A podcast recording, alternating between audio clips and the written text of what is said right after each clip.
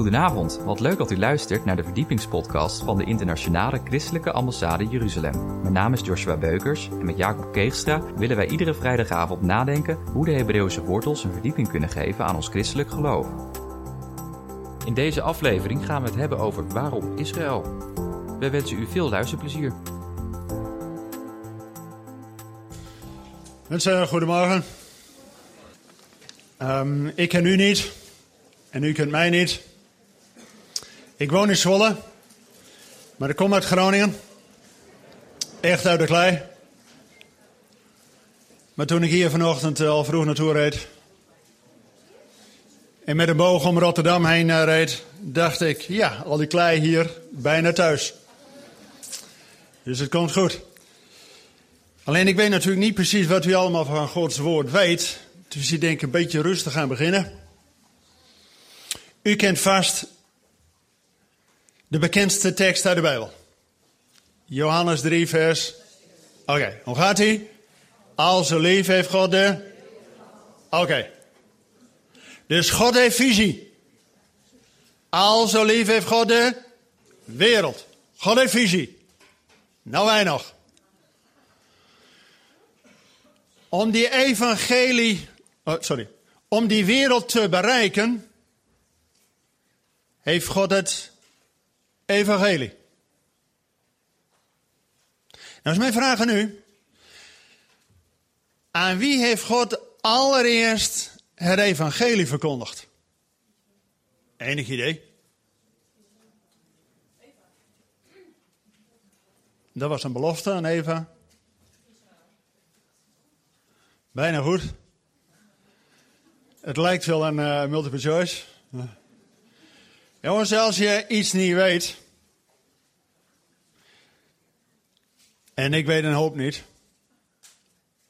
Maar altijd kijken waar het de eerste keer in Gods woord staat. Daar wordt het de grondlegging gedaan. De definitie. De rest van Gods woord bouwt daarop voort. Laten we lezen wat de schrift erover zegt over het evangelie. Maar ik neem aan dat het evangelie u wel eens verkondigd is. In Galaten hoofdstuk 3. Galaten hoofdstuk 3 en dan lees ik vanaf vers 6. Dus Nieuw Testament, hè? Galaten hoofdstuk 3. Wat staat daar? Zoals Abraham God geloofde. En dat geloof werd hem tot gerechtigheid gerekend. Begrijp dan toch dat zij die uit het geloof zijn, kinderen van Abraham zijn. En nu komt hij.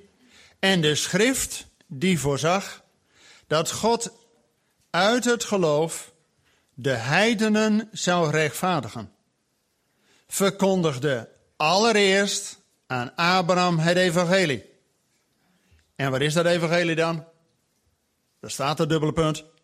In u zullen al de volken gezegend worden. Dus God heeft visie om die wereld met het evangelie te bereiken.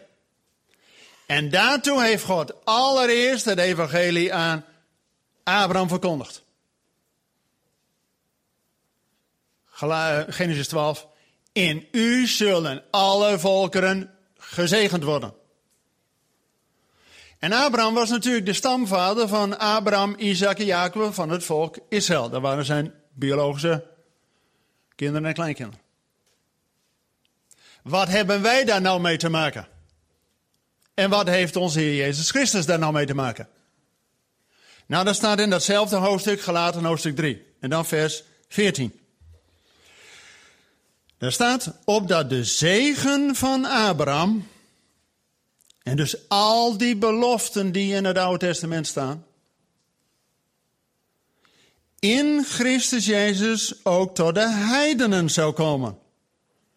En we krijgen er nog een toetje bij ook. En opdat wij de belofte van de geest zouden ontvangen door het geloof. Dus God werkt nu eenmaal zo dat om die wereld te bereiken, God allereerst het evangelie aan Abraham heeft verkondigd. En al die beloften. En de schrift zegt, aan hen zijn de woorden van God toevertrouwd. En onze Heer Jezus Christus kwam, zodat ook die zegen van Abraham, niet alleen voor de fysieke kinderen van Abraham, maar ook voor de heidenen. En, zegt de schrift die we hebben gelezen, dat wij door het geloof ook kinderen van Abraham worden genoemd. Weet u, God heeft geen stiefkinderen. Er staat in het Nieuw Testament, we zijn door het geloof geen vreemdelingen, bijwoners meer, maar mede burgers. We zijn mede huisgenoten en zelfs mede erfgenamen. Dus wij als gelovigen uit de volkeren horen daar helemaal bij. Maar nu komt het. God is een gentleman. En hij spreekt door de hele schrift met twee woorden. U kent vast die beroemde tekst, Romeinen 1 vers 16. Ik schaam mij het evangelie. Niet. Ja, de ene helft die gelooft het, de andere helft die gelooft het wel. Maar de schrift zegt, ik schaam mij het evangelie niet, want het is een kracht gods tot behoud voor een ieder die gelooft. Eerst voor de Jood, maar ook voor de Griek. Dus God heeft nog steeds een plan met de wereld en dat doet hij via Israël. Zeg Gods woord, zeg ik niet, zeg Gods woord. Nou, dus we weten wanneer het evangelie begonnen is. Alleen daar wou ik niet over spreken vanochtend. Dat was even inleiding. Ik wil graag spreken met u over het koninkrijk van God. Nou is mijn vraag, wanneer is het koninkrijk van God nou begonnen? Dan denk ik even uit een andere bron. Heeft u even tijd om na te denken? Enig idee mensen. Wanneer nou het koninkrijk van God is begonnen?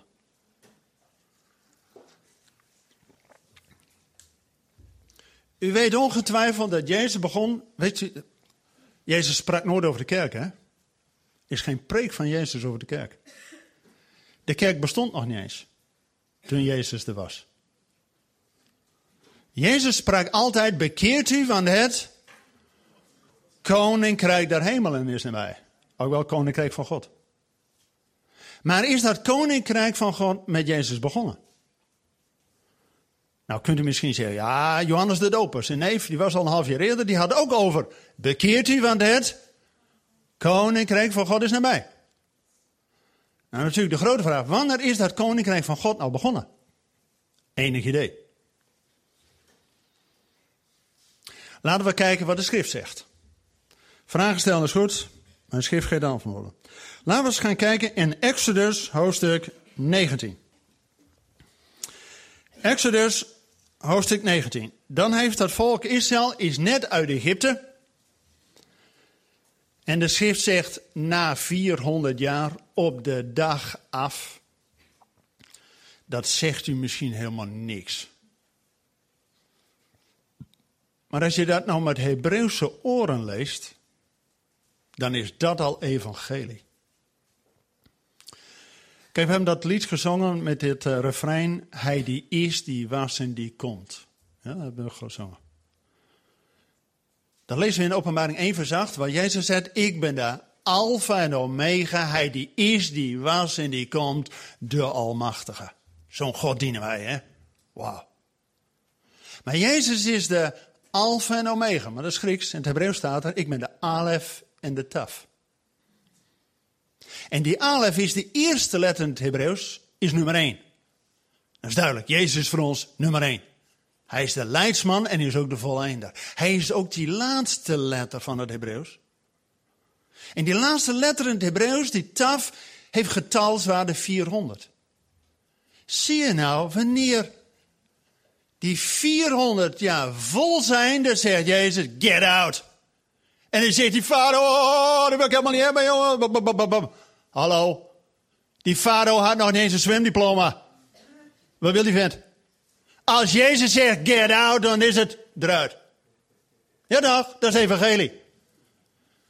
En dan lezen we hier in Exodus 19 dat dat groepje slaven, die natuurlijk uh, eh, 400 jaar, geen identiteit had, gewoon een beetje verschoppeling, slaven, die haalt God eruit. Dus God spreekt hier in Exodus 19 tegen een verlost volk. En die is nog gedoopt ook. Zo. Zegt de schrift, hè? Ze werden alle in de wolk gedoopt en met hem meeging de rots, die is Christus. Zegt de schrift. En dan geeft God dat stelletje slaven een identiteit. Mooi lezen met mij in Exodus 19 vanaf vers 5. Daar staat nu dan, als gij nauwgezet mijn stem gehoorzaamt en mijn verbond in acht neemt, dan zult u uit alle volken mijn persoonlijk eigendom zijn. Want heel de aarde is van mij. U dan, u zult voor mij een koninkrijk van priesters en een heilig volk zijn. Dit zijn de woorden die u tot de Israëlieten moet spreken. Dus het koninkrijk van God begon met uittocht. En direct daarna in hoofdstuk 20 geeft God zijn tien geboden. Ja, dat hebben wij zo vertaald, tien geboden. Weet u, met Hebreeuwse oren, dit is een huwelijkscontract van God met zijn volk. Het begint met ik ben de Heer uw God die u uitgeleid heeft. En er is hier in de zaal geen enkele man die zijn vrouw graag wil delen met een ander. Zo is ook God, is een jaloers God. Daarom zegt God direct, heb nou geen andere goden, want ik ben uw man en uw maker. En als God hier zijn volk uittocht doet, dan lezen we nergens dat Mozes de koning wordt. Want God is hun koning. Zij zijn een koninkrijk van priesters. Wat doen priesters? Enig idee, wat doen nou priesters? Heeft het nou voor zin dat ze tot priesters? Al die vragen stellen, hè? Niet aan mij, maar aan de schrift.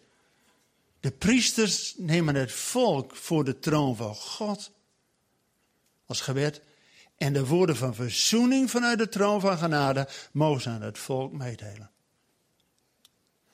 Alleen dan krijgen ze dus die leefregels van het koninkrijk. En dat is meer dan alleen dat ze dit wel op Shabbat mogen doen en dat niet. Er zijn allerlei leefregels voor hoe de samenleving, hoe Gods samenleving bedoeld is. Ook dat je opkomt van wees, weduwe en vreemdeling. Want juist ook de gemeente hoort de maatschappij te transformeren. Dat we de wetten van God ook toepassen in de samenleving. En dat is dus niet alleen op zondag, maar vooral ook in ons werk. En hoe we dagelijks omgaan. Want God wil dat wij heel de aarde naar zijn beeld herscheppen. Door de kracht van de Heilige Geest. Alleen dan is Israël op weg naar het beloofde land. En dan woont men jaren in het land. En dan kijkt men om zich heen. En dan kijkt men naar al die andere volken. En dan zeggen ze, wij willen ook een koning. Net zoals al die andere volken. En de profeet Samuel zegt, dat moet je niet doen joh. God is jullie koning. Ja, maar ze van, nee, net zo zijn als die anderen. Die wereldgelijkvormigheid zit ons ook in het bloed. We willen allemaal laagdrempelig en alles, moet allemaal mooi. Jongens, we zijn een apart gesteld volk tot zegen voor de ander. Dat is onze roeping. Ook Israël, ze verlangen naar een koning. Net zoals al die andere volken. Samuel zei, dat moet je niet doen joh. Maar je hebt hoop vrouwen als harem en die uh, willen allemaal belasting. En jullie zonen moeten in het leger, dat is allemaal niet fijn. Dus dat moet je vooral niet doen. God is jullie koning, die zal over jullie waken. Dus Samuel gaat in gebed tot God. En God zegt, nou jongen, ze hebben niet jou verworpen, maar ze hebben mij verworpen om koning over je te zijn. En weet u, dan na de laatste profeet het Oude Testament, weer 400 jaar radiostilte, dan komt Jezus. En doet precies hetzelfde als Mozes op de berg. Dat Jezus ook twaalf discipelen uit de stammen van Israël op de berg heeft zijn berg gereden. Leefregels voor het koninkrijk. En Jezus scherpt dat juist aan. Hoe wij kunnen leven als kinderen in het koninkrijk van God. En weet u, Jezus had heel veel gezeur met die oversten en fariseeërs van die tijd. Want die wilden allemaal regeltjes. Je mag dit niet en je mag dat niet. Ik weet niet hoe u tot geloof bent gekomen, maar, maar ik... Uh, Mocht vroeger op zondag helemaal niks, hè? Geen ijsje, niet fietsen, niet zwemmen, helemaal niks, hè? Oké. Jezus had ook zo'n moeite met al die fariseeën, die allemaal die regeltjes hadden. En niet wisten dat de Shabbat een dag is om tot rust te komen, tot herstel en tot genezing te komen. Zodat jouw ziel weer doet herleven voor het aangezicht van Almachtige.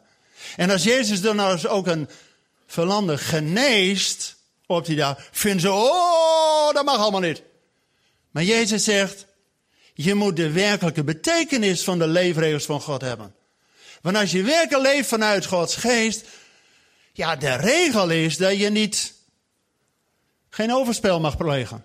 Maar Jezus zegt, als je al kijkt naar een andere vrouw om die begeren, heb je eigenlijk in je hart al meer gedaan. Jezus geeft juist de principes hoe we de leefregels van het koninkrijk kunnen leven. Kijk, een voorbeeld. In Nederland hebben we allemaal verkeerslichten, hè? Dat helpt ons bij het oversteken en een beetje de veiligheid. Dus ook een vader met zijn zoontje, was nummer drie.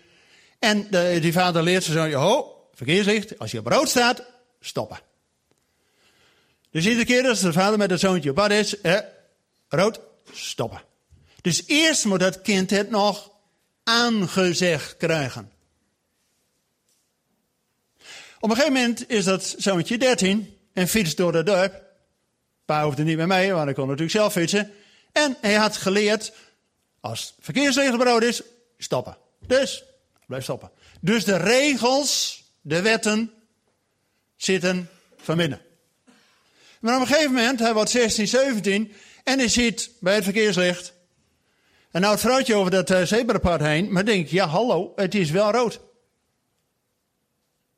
Dacht hij, wat moet ik nou doen? Moet ik nou blijven staan? Of is de hogere bedoeling van die verkeerslichten de veiligheid? Dat ik nu even dat aan de laars loop in die zin dat vrouwtje helpt om snel weer aan de kant te gaan.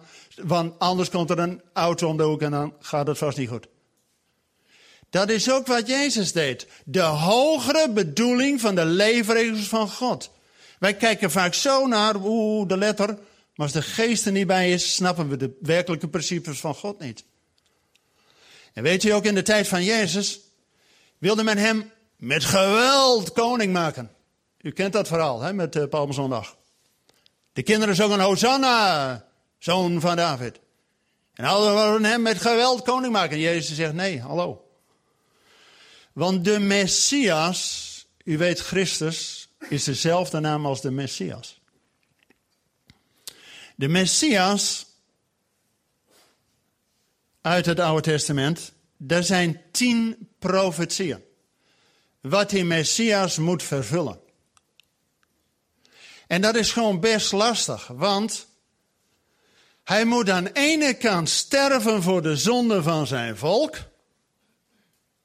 En aan de andere kant moet hij gaan zitten op de troon van zijn vader David en dan zal er vrede op de ganse aarde zijn. Dat is natuurlijk toch wat lastig in één persoon te verenigen. Dus logisch dat men in Israël niet één Messias, maar twee Messiasen heeft. Eerst is die Messias zoon van Jozef, die net als Jozef, geliefd zoon van de vader met een mooie mantel, maar uit jaloezie met zijn broeders verworpen, door de bak heen, door de moeilijkheden heen, maar God gaat hem tot onderkoning maken. Weet u trouwens, ik had net over de principes van God. En alle principes staan in Genesis. En de rest van de Bijbel bouwt erop voort. Je weet natuurlijk, het eerste principe van God is met Genesis 1. De schepping. Dat alles door God geschapen is. Het eerste principe. De rest bouwt erop voort. Weet u wat het laatste principe is van God? Uit Genesis. Weet u wat het slot is van Genesis? Even ertussendoor, hè. Weet u wat het slot is van Genesis? Genesis 50. 50 staat voor, met de Hebreeuwse oren, jubeljaar. En wat staat er beschreven? De dood van Jozef. Hallo hé. De dood van Jozef. Is dat nou een principe van God? Ja. Want wat was de eretitel van Jozef? De Safnat Paraneas, de redder der wereld. hey, als je dat nou met de Bijbelse oor leest, dan is het, wanneer de redder der wereld sterft, opent dat de deur naar Exodus. Uittocht. Wauw. Kijk. En die Messias, die eerst, kijk wij als christen hebben het makkelijk. Jezus kwam de eerste keer om de leidende knecht des Heren te zijn. Te sterven voor de zonde van zijn volk. Jezaja 53. En Jezus komt weer terug om als Messias ben David, zoon van David, om op de troon van zijn vader David te gaan zitten. En dan zal er vrede zijn op ganse aarde. Alleen in de tijd van Jezus wilde men hem dus met geweld koning maken. En zegt, ho, eerst een roeping te sterven voor de zonde van het volk. En weet u, als na de opstanding. Ja, we leven nou natuurlijk in vier dagen na uh, Pasen toe, maar alvast even een preview. Na de opstanding.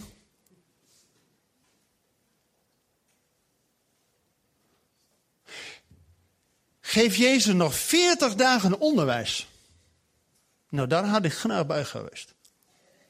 Ga 40 dagen onderwijs over het koninkrijk van God. Zie je wel? Waar Jezus mee begon, zelfs na de opstanding, begint hij weer over het koninkrijk van God. En dan is de allerlaatste vraag van de discipel, vlak voor hemelvaart. Herstelt gij nu het koningschap voor de Hoekse Waard? Nee. Wat staat er, wat, wat is de vraag die de discipelen stellen? Herstelt gij thans het koningschap voor Israël? En Jezus zegt, alleen de Vader weet dat. Maar gij zult kracht uit de ogen ontvangen en gij zult mijn getuige zijn. Te Jeruzalem en te Judea Samaria tot aan het uiterste der aarde. Dus toen was het de tijd niet. En na de hemelvaart, dan zegt Petrus, de hemel moest Jezus opnemen tot de tijd der wederoprichting alle dingen. Wauw, wanneer is dat? De tijd van de oprichting alle dingen. Dat heeft dus alles te maken voordat Jezus terug kan komen. Gaan we zo op in.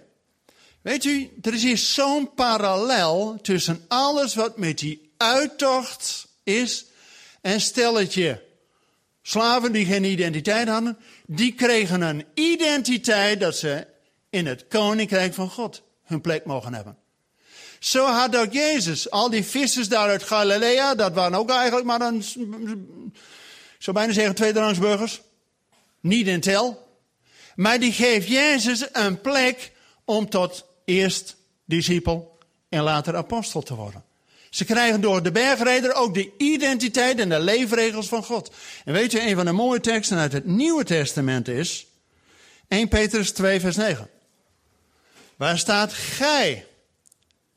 Zijt een uitverkoren geslacht, een koninklijk priesterschap. Een heilige natie vol grote ten eigendom. Om de grote daden te verkondigen van hem die u uit de duisternis geroepen heeft tot zijn wonderbaar licht. Ziet u hetzelfde patroon. Uit de slavernij, uit de duisternis van Egypte, weg op naar het beloofde land. Zo ook wij vanuit de duisternis naar zijn wonderbaar licht. Is dat nou evangelie of niet? Ja toch? U bent stil. Of bent u gewoon onder de indruk van de principes van God? Ik wel. Maar dat betekent dat God ook uit ons geroepen heeft tot koningen en tot priesters. Weet u wat koningen doen? Die zitten niet onder de omstandigheden gebukt van, oh, gaat het met je broer? Oh, onder de omstandigheden wel aardig. Hallo, we zijn geroepen om te heersen over de omstandigheden. Zelfs om de wetten van het koninkrijk bekend te maken. Zodat onze maatschappij ook een christelijke natie wordt. Zijn we eeuwen geweest, maar ja, we hebben het uit de hand laten roven. Weet u, Amerika is ontstaan door de pelgrimsvaders. Die vluchten hier uit Nederland en uit Europa weg. Want dat was ten tijde van de Franse revolutie. Waar een hoop tirannie was, men vluchtte weg. En men heeft de wetten van Amerika gemaakt met Gods woord in de hand. Tegen de tirannie. En dat land is ook bijzonder gezegend. Alleen nu zie je dat ook dat land de wetten van God weer aan de laars loopt. Maar weet u, Jezus zegt twee dingen voordat hij weer komt. Het evangelie zal de wereld doorgaan. En let op de vijgenboom. Dat is een beeld van Israël. En nu in het jaar 1948 dat God de draad weer oppikt met Israël. Ongelooflijk. Nou, wacht even. Weet u in welk jaar Abraham geboren is? Kijk, wij, wij tellen altijd vanaf nul, hè, vanaf de geboorte van Jezus. Maar de Bijbel telt vanaf begin van de schepping. Hè, geboorte van Adam. Weet u in welk jaar Abraham geboren is? Vanaf Adam? In het jaar 1948. Nou, Adam en de laatste Adam Jezus. Abraham, 1948. De stadicel, 1948. Dat is niet toevallig. Wij hebben een God die het niet uit de hand loopt. God is still in control. En weet u, zal ik vanmiddag iets meer over vertellen. Wat God allemaal aan het doen is, ook juist op de Tempelberg. Maar daar wordt het alleen maar spannend. Maar goed, wij als christen hebben een taak. U kent misschien Ezekiel 36 en 37, dalde door de doodsbeenderen. Dat na de holocaust, dat al die doodsbeenderen weer aan elkaar komen. Vel erover, maar geest is in en nog niet, zegt Ezekiel. En dan moet Ezekiel een tweede keer profiteren tot de geest die naar de vier windsteken is uitgestort, dat ook zijn geest over zijn eigen volk komt. En dan wordt het een machtig leger van Joden. Weet u wat Juda betekent? Godlovers. Dat ze ons voorgaan om God te loven en te prijzen. Juist wanneer ook Israël zegt, gezegend hij die komt in de naam des Heer. Dat is het wachtwoord voordat Jezus terug kan komen. En we zien dat het evangelie bijna de wereld rond is. Het is natuurlijk in Jeruzalem begonnen, Klein-Azië, Europa. Door Columbus, een bekeerde Jood, is het naar Amerika gegaan. Inmiddels is het vuurtje van de Heilige Geest druk bezig in Brazilië. Een derde van Brazilië is al wederom geboren. Ieder uur van de dag wordt er een kerk in Brazilië geopend. Inmiddels is het werk van de Heilige Geest ook aan de andere kant van de wereld. De grootste kerken ter wereld zijn in Zuid-Korea. Eén kerk van Yom Cho heeft al 800.000. Daar kun je er nooit in, hè? Jullie visie voor een gebouw, maar uh, 800.000 gaat hem even niet worden, denk ik. Dus dat doen ze nog steeds die ploegen niet. Zoals 8 uur komt de eerste 100.000. En die gaat om 9 uur naar de koffie en dan de volgende. En als je dan bidstond hebt, ben je niet alleen. Snap je wat ik uh, zeggen wil? En weet u, Gods geest gaat verder. Nu in China, er zijn al 130 miljoen christenen in China. Iedere dag wordt daar een kerk geopend. Dus Gods geest druk bezig in Indonesië, het grootste moslimland ter wereld. Ze zijn opgehouden met uh, volkstellingen. Want dan blijkt iedere vijf jaar dat er weer minder moslims zijn en vele meer christenen. Dus geen PR voor hun, dus dat uh, stoppen ze maar. En logisch dat nu de hele Midden-Oosten, de hele Arabische wereld, de hele islam in rep en roer is. Want dat is de grootste laatste barrière voordat het evangelie terug is in Jeruzalem. En de schrift zegt, er komt nog verzoening tussen Jacob en Esau. En daar zijn wij als gelovigen uit de volken bij betrokken. Dat wij juist bidden dat de geest niet alleen over ons komt, maar ook over zijn eigen volk. Want God brengt zijn volk natuurlijk niet terug om alleen terug te zijn fysiek. Maar uiteindelijk terug te keren tot het hart van zijn vader. Daarom had God al bij de uittocht eerst, dat stelletje slaven, dat hij een identiteit kreeg. Maar ze moesten niet alleen uittocht hebben, ze moesten ook intocht hebben in het beloofde land. En dat is ook voor ons als christenen. Als we eerst uit de wereld dat stap één. Maar er zit de wereld vaak nog in ons. Dan moet de wereld nog in al die principes uit de wereld, moet er nog uit. Zodat Gods geest ons werkelijk vervult. Niet zoals die twee stenen tafel dat van buiten is. Maar dat Gods geest in ons leert. Van ja, stelen is niet zo goed. En al die andere geboden. Als Gods geest van binnenuit werkt vanuit ons uit. Dan reinigt hij ons van binnenuit. En dan is natuurlijk de toepassing van deze preek.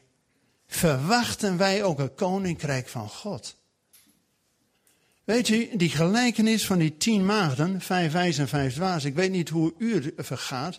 Maar ik heb altijd, als ik die gelijkenis lees, dan denk ik, maar, zolang ik maar bij die goede kant zit, hè, met die vijf wijzen. Dut er even in, maar, uh, hè. Nou, wacht even. Alle tien dutten in. En daarom is het goed om de wake-up call van God ook vandaag weer te hebben. Dat het spannender is in de wereld en zeker in het Midden-Oosten. Omdat Jezus spoedig gaat komen. Wanneer weet alleen de schrift, weet alleen eh, de Vader. Maar jongens, we zien aan de tekenen dat het spannend wordt. Daarom wordt het tijd dat wij als gemeente ons nu volzuigen met Gods woord en Gods geest. Zodra dat, wanneer het spannend wordt, dat we weten hoe we moeten bidden. En God zegt zelf, ik heb wachters op de muren van Jeruzalem gezet. Die God geen rust gunnen. Totdat hij Jeruzalem stelt tot een lof op aarde. Want mensen, Jezus zegt zelf tegen de inwoners van Jeruzalem. Gij zult mij niet meer zien totdat gij zegt, gezegendheid die komt. Mensen, we leven in spannende tijden. Ik zal vanmiddag nog meer over vertellen. Maar de boodschap voor vandaag is, verwachten wij het koninkrijk van God? En willen wij door Gods geest geleid worden dat we de wetten van het koninkrijk willen uitleven? Niet alleen op zondag, maar ook door de week. Kunt u daar amen op zeggen? Oren naar de schrift kijken is lastig. Want we zijn zo door het Griekse denken beïnvloed. En het Griekse denken hier in Europa maakt een scheiding tussen ziel en lichaam. Tussen wat we denken en wat we doen. Een scheiding tussen wat we op zondag geloven en wat we door de week doen. Maar juist het Hebreeuws is zo opgebouwd dat het begin en eind is het kader, maar het draait allemaal om het centrum. Zo is het Hebreeuws, de taal van God, opgebouwd. Als je in het Nederlands een roman leest, dan eh, is het begin eh, soms helemaal niet zo interessant. Er gebeurt van alles. Maar het gaat vooral om die laatste pagina. Hè, want dan leven ze nog langer gelukkig. Maar in de Bijbel gaat het altijd om begin en eind, de alef en de taf. Jezus is de alfa en omega vanochtend gezet. Maar hij is ook het centrum, het focuspunt. Niet voor niks dat de Bijbel zegt, laat 4 vers 4, in de pleroma van de aion, dat zegt helemaal niks, in de volheid van de tijd kwam Jezus. Precies in het centrum. Maar dat is de focus, daar waar God zijn nadruk op hebben. En om dan toch even met het slot te beginnen. Als we gezegend worden.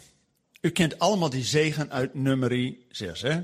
De Heere zegen u. Ja, hè, dat, dat heb je wel zo gehoord, hè? Weet u, in het Hebreeuws is die zegen van God opgebouwd uit drie regels. Drie in de Bijbel staat altijd voor God van Abraham, Isaac en Jacob. Abraham is de vadertype. Hij was de eerste Hebreeër die van de andere kant kwam tot ons. Isaac is een type van de zoon. Weet u hoe oud Isaac was toen hij op eh, Moria bijna geofferd werd? Ongeveer 33. Exact weten we het niet, maar we weten wel dat daarna. Hij was geen kindje van 12, hè, wat we soms op de zonderschool uh, leren. Nee. Vaak het beeld wat we op de zonderschool leren is niet altijd correct, maar wat de schrift zegt. Was ongeveer 33. En dan zie je de link met Jezus veel duidelijker, want die was ook 33. Want uh, daarna sterft zijn moeder. En daarna trouwt hij en dan is hij 40. Nou, dat was natuurlijk niet allemaal de dag ervoor. Dus ongeveer 33. Weet ik niet exact uit de schrift. Maar dat betekent dat Abraham dus 133 was. Moet eens nagaan. Iemand die dus in de. En in de wielersport, dat is een van de meest uh, uh, zware sporten die er is. Daar zegt men. Op je 33ste ben je het meest sterk. Fysiek het sterkste. Dan wordt het offer van Jezus voor mij nog veel dieper. Dat je in de kracht van zijn leven dat voor mij deed. En als Isaac ongeveer 33 is, betekent dat Abraham 133 is. Dus als die Isaac er nou even geen zin aan had, hè, om daar op dat uh, Moria te worden. Kan me voorstellen, hè. Dat niet alle daar zin in hebben. Of u wel? Dagelijks je kruis opnemen. Oké. Maar goed. Isaac dus 33, was Abraham 133. Als Isaac nou even geen zin had, dan was het, hey Abraham. Snapt u gewoon? En toch gaat Isaac gewillig die weg. En Jezus natuurlijk later moedwillig die weg. Want als Abraham Isaac moet, dan heeft hij hem eigenlijk al, geestelijk eigenlijk al gedood. En dan zegt de engel, ho, stop. En dan wordt er in plaats van Isaac een ram geofferd. Als er één ram geofferd, hoeveel shofars heb je dan? Twee. En een shofar is een hemels instrument dat God wordt herinnerd aan zijn beloften. Want hij zal een. Wat, is de belofte aan Abraham? God zal voorzien in een lam ten offer. En, als, en Abraham, dat staat in uh, Johannes 6, vers 58, waarvan Jezus zegt: Abraham heeft mijn dag gezien en heeft zich erover verheugd. En er zit 1948 jaar tussen. Zo. Dus Abraham, Isaac en Jacob, de God van Abraham de vadertype, Isaac type van de zoon en Jacob de type van de geest, van de transformatie door de geest van Jacob tot Israël. Dus drie in de Bijbel zijn altijd de vader God van Abraham, Isaac en Jacob. En die eerste regel van die zegen is het, de Heer zegent u. Dus niet Mozes of Aaron, maar wie zegent? God. En ook die eerste regel, ook weer drie woorden in het Hebreeuws. Dus het is duidelijk, die God van Abraham, Isaac en Jacob. Dat is degene waar alle zegen vandaan komt. Die tweede regel in het Hebreeuws heeft in het Hebreeuws vijf woorden. Vijf staat voor de Torah, de handreiking van God. De vijf boeken van Mozes, wij noemen dat altijd Genesis, Exodus, Leviticus, Numeri, Deuteronomie. Ja, hè? Maar klopt niet. Er staat Genesis en Exodus en Leviticus en Numeri en Deuteronomium. Het is één Torah, wel vijf onderdelen. Als God een handreiking doet, zijn hand vijf onderdelen. Maar het is één handreiking van God. Trouwens, wat staat in het centrum van die Torah, van de onderwijzing van God? Heb je naaste lief als jezelf, want ik ben de Heer. Wat staat in die samenvatting, helemaal op het eind van die Torah? Deuteronomium 6 vers 4. Heb God lief met heel je hart, ziel en alles wat in je zit. Logisch dat later aan Jezus gevraagd wordt, Rabbi, wat is nou het grote gebod? Nou, hij is toch het levende woord. Hij kan toch niks anders dan verwijzen naar het woord van God. En dus zegt hij in de gulden regen van het christendom precies de kern van de Torah, het focuspunt, het middelpunt en de samenvatting. Wat was de gulden regen van het christendom? Heb God lief boven alles en je naast als jezelf. Is dus precies conform met die handreiking van God. Dus die God van Abraham, Isaac en Jacob. Jacob is degene die door de geest getransformeerd wordt van Jacob naar Israël. Hou hem even vast, Hans. We moeten even nog hebben over hoe de naam Israël ontstaan is. En wat dat betekent. Als je dat met Hebreeuwse oor leest, meer, dan gaat er zo'n diepgang in de schrift. Dan wordt Bijbelstudie weer feest. Vroeger was Bijbelstudie, uh, moet dat ook allemaal nog. En nu hier die, dat Hebreeuws, die, die context erin. Meer, je leest er iedere keer overheen. En hoe meer je leest, oh, staat dat er ook in. Dan ga je weer terug. En oh, ben ik weer, weer overheen gelezen. Iedere keer lees je weer nieuw. Nou, dus die tweede regel van de zegen, vijf woorden. Waar eindigt die tweede regel mee? De eerste regel was, de Heer zegen u en hij behoedt u. De Heer doet zijn aangezicht erover u lichten en is hij u genadig. Oké. Slot van die tweede regel. Dus het draait nog steeds om genade, hè? Hier ook, of uh, is dat allemaal werken geworden? Oh, oh oké, oké, helemaal genade. Die derde regel zijn zeven woorden in het Hebreeuws. Zeven staat voor voluit. En dat eindigt met vrede, met shalom. Shalom bestaat uit vier letters. Dat zegt u helemaal niks. Maar de vierde letter in het Hebreeuws is de dalet. Die ook de delet, de deur is. Wie is de deur tot de shalom? Wie is de deur tot de Vader? Wie vanuit de Vader de deur opent om de shalom voor ons te geven, is toch? Jezus. Dan moet je eens even kijken. Hè? Helemaal geen gegogel met getallen, want daar hebben we helemaal niks aan. Maar die zegen van God, die heeft dus drie regels. De eerste regel drie woorden, dan vijf woorden, dan zeven woorden. Opgeteld vijftien woorden. Hoef je helemaal geen zakrekenapparaat bij, kun je nog gewoon hoofdrekenen. Hè? Vijftien woorden. Vijftien schrijf je in het Hebreeuws met Jod-He. Dus de afkorting van Jod-He, Waaf-He. De naam van God. Dus in die zegen ligt het DNA, de naam van God. En dan moet je eens kijken. Als je 15 woorden gewoon op een rij zet, gewoon op het als één, één lange regel. Wat is dan precies het centrum van die 15 woorden? Het achtste woord. Acht is het getal van die Messias, die na zeven dagen de dag van de nieuwe tijdperk inlevert. En achtste woord in die zegen gaat over gezet, genade. Dus waar gaat het van begin tot einde? En het focuspunt, ook in het evangelie, het gaat om genade. En nu moet je eens kijken. Die zegen van God. Dan heb je dus eerst, om dat centrum te krijgen, heb je eerst zeven woorden links, de voluit links. Zeven woorden voluit rechts. En de genade komt van God. Welk teken heb je dan? Zie je dat door het kruis de genade, de zegen van God tot ons komt? Wauw. Kijk, daar word ik nou enthousiast van. Ja toch? Kunt u zelf niet bedenken? Ik niet. En we zouden het over Israël hebben. Ja, daar zouden we het over hebben. Weet je hoe de naam Israël is opgebouwd? Wat betekent het Israël trouwens? Oké. Maar hoe strijden met God? Want sommige mensen strijden nog met God. En anderen zijn met God aan het strijden. Groot verschil, hè? Het is helemaal niet erg om eerst met God te strijden. Dat deed hij Jacob ook. Maar totdat hij Israël werd, werd hij strijder Gods. Dan ben je met God aan het strijden. Ja, groot verschil. Israël is opgebouwd uit die drie aartsvaders en de vier aartsmoeders. Wie zijn dat, de, de drie aartsvaders?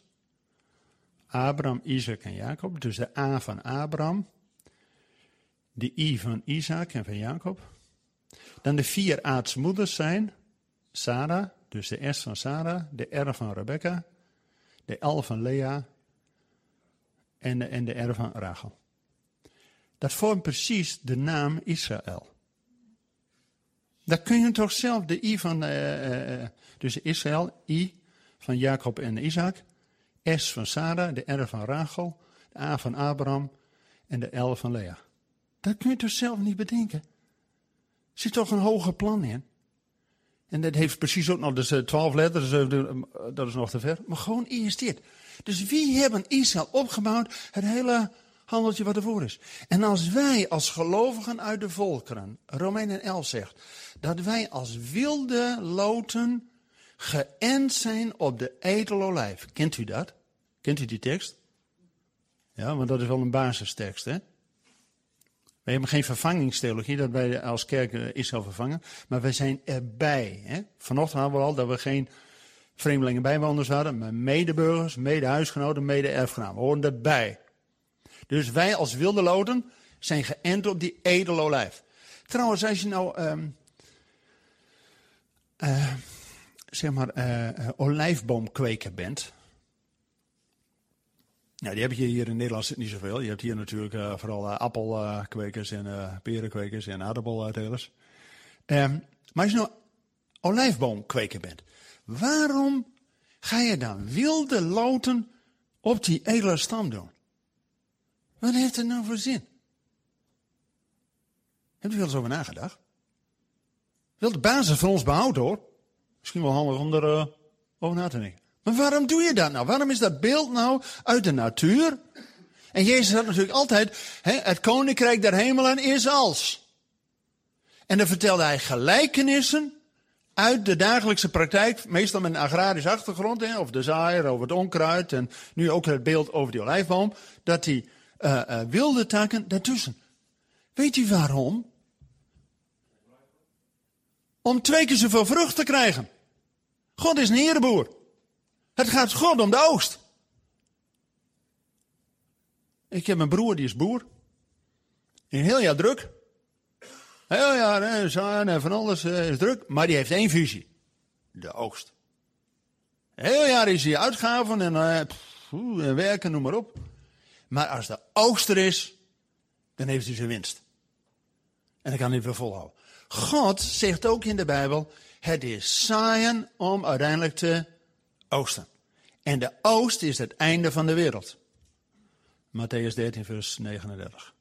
Met andere woorden, het gaat God altijd, en ook bij alle feesten, de Bijbel is opgebouwd rond de hoogtijdagen van God.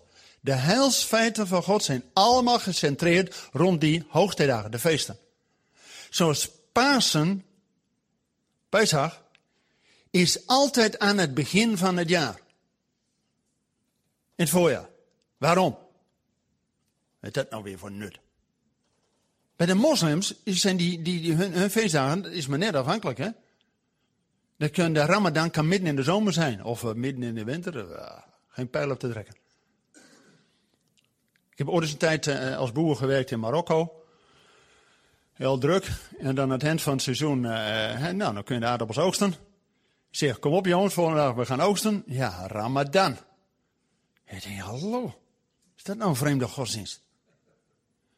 En dan laat je de vrucht op land, laat je verpieteren, dan heb je niks. Hallo, de Bijbel is gelukkig zo dat God de tijden in zijn hand heeft en altijd zegt, paas in het voorjaar.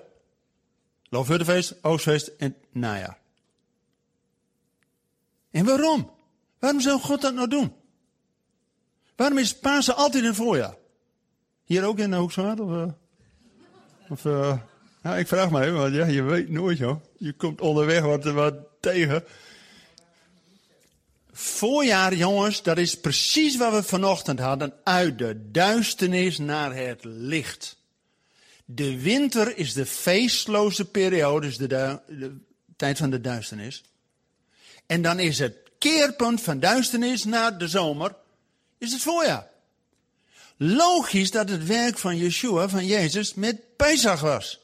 Een keerpunt vanuit de duisternis naar het licht. En zeven weken later heb je Pinksterwijs, Shavuot, omkom in het volle licht van Gods geest. Maar Pasen en Pinksten zijn voorjaarsfeesten. En dat is een oogstfeest van de voorjaarsvruchten. God heeft zijn volk beloofd met drie dingen te zegen bij de uitocht. Met koren, met wijn en met olie. Koren, dat is tarwe en gerst. Dat wordt in Israël geoogst tussen Pasen en Pinkster. Logisch dat Naomi en Rut, die gingen terug naar Bethlehem, huis van brood, ten tijde van de oogst. Met Pesach. En dan is ze zeven weken op het land van Boas en dan trouwt ze met Pinkster. Ja, het is een hele diepgang. Hoe Jood en Heiden bij elkaar komt. En uiteindelijk stamvader van David wordt, hè? Oké. Maar de feesten, wij kennen in onze kerk vaak wel Pasen en Pinksteren.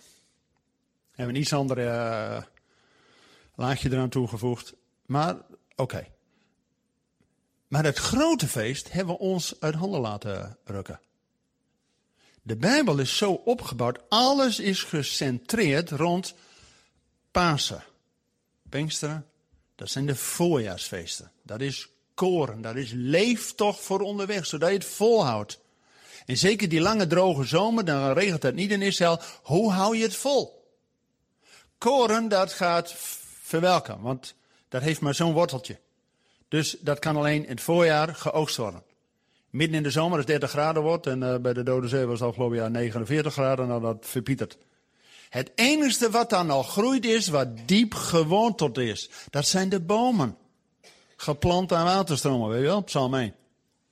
Die zijn vrucht geven op tijd. Met het Loofhuttenfeest, God had gegeven, ik zal mijn volk zegenen met koren, met wijn en met olie. De wijn en de olie wordt in het najaar met Loofhuttenfeest geoogst. Alleen dat is een feest die wij ons uh, van het bordje hebben laten eten door Constantijn de Grote in jaar 312. En de eerste concilie van Nicea, die hij financierde, en wie betaalt bepaalt, hè, dat was toen ook al zo. Hij bepaalde dat uh, het grote feest uit de Bijbel, Loofhuttenfeest, niet meer gevierd mag worden.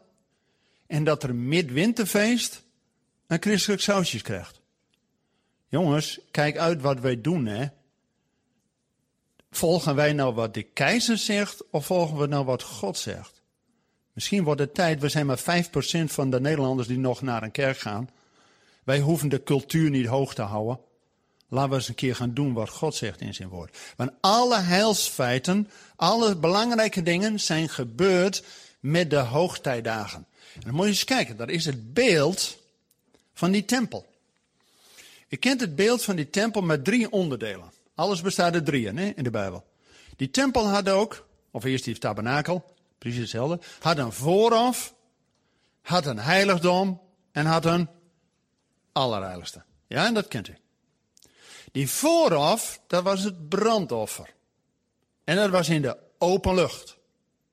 Het is een beeld van Jezus die in de openlijkheid aan de kruis is gaan. Om openlijk verzoening te doen. En over zijn vijand te regeren.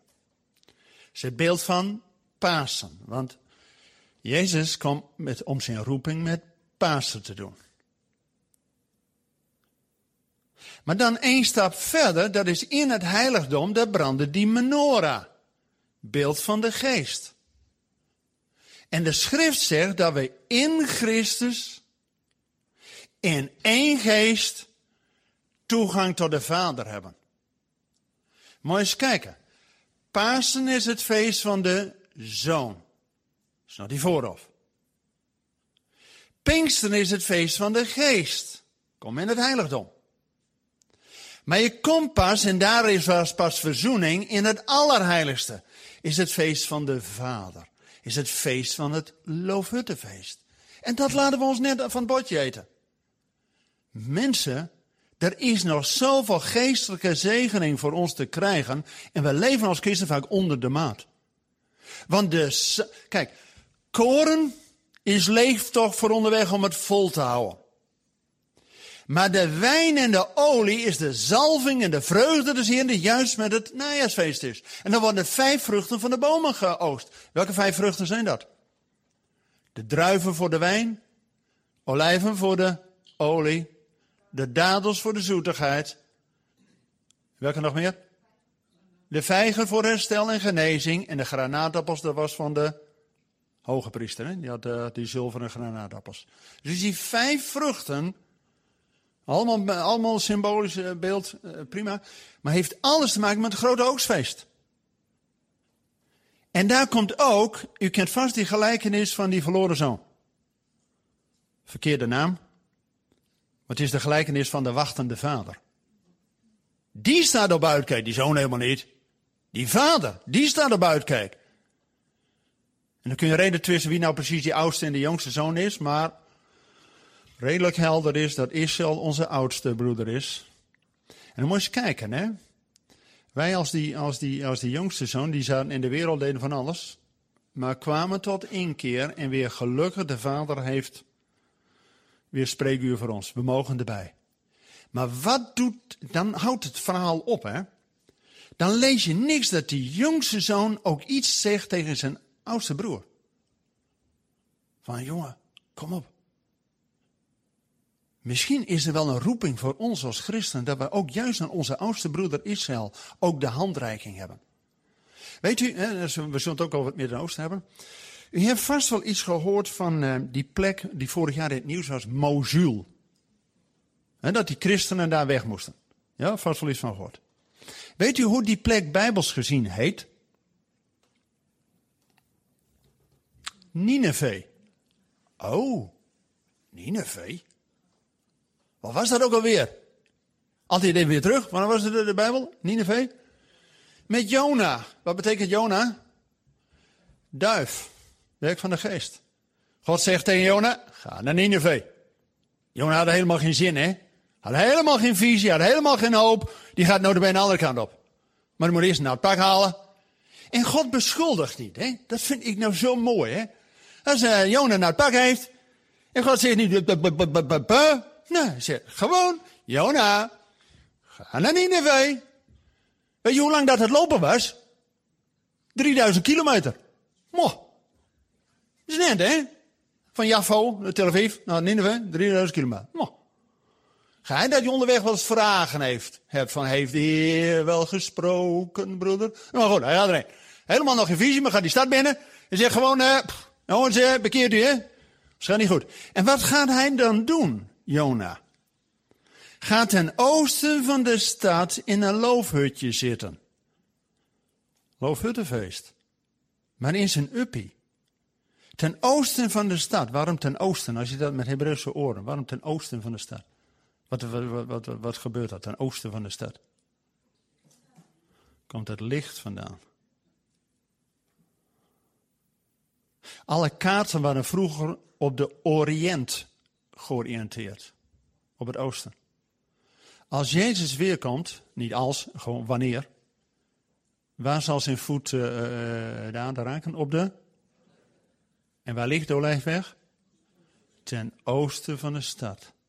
Omdat daar het licht, de morgenster, opgaat. Oké.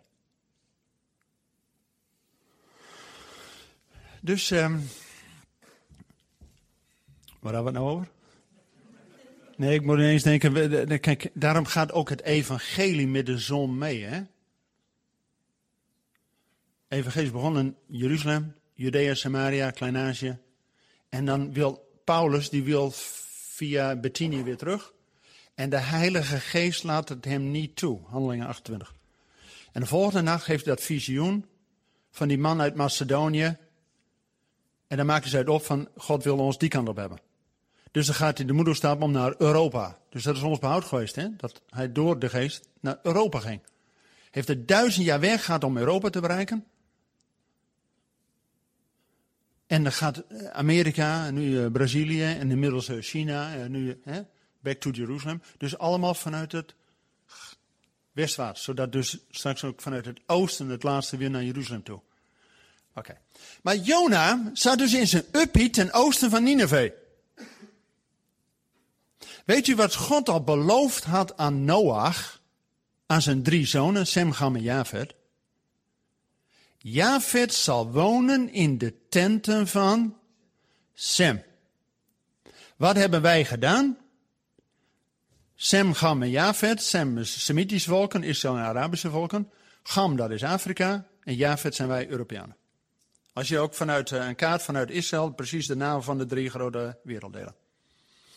Wat hebben wij gedaan als Javed? Zijn in de tenten van Sem gaan zitten en hem Sem eruit gehoord. Dat heet antisemitisme. Maar Jona zit dus als Semiet, als Jood, in zijn uppie in die loofhut. Dat was niet de bedoeling. Want het loofhuttenfeest is het enigste feest waar Jood en Heiden juist samenkomt. Slot van de Bijbel. Wat slot van de Bijbel? Openbaring 22. Hè? En waar staat er? De tent van God is bij de mensen. Daar staat de soeka van God. De loofhut, tentje van God. God wil bij ons wonen.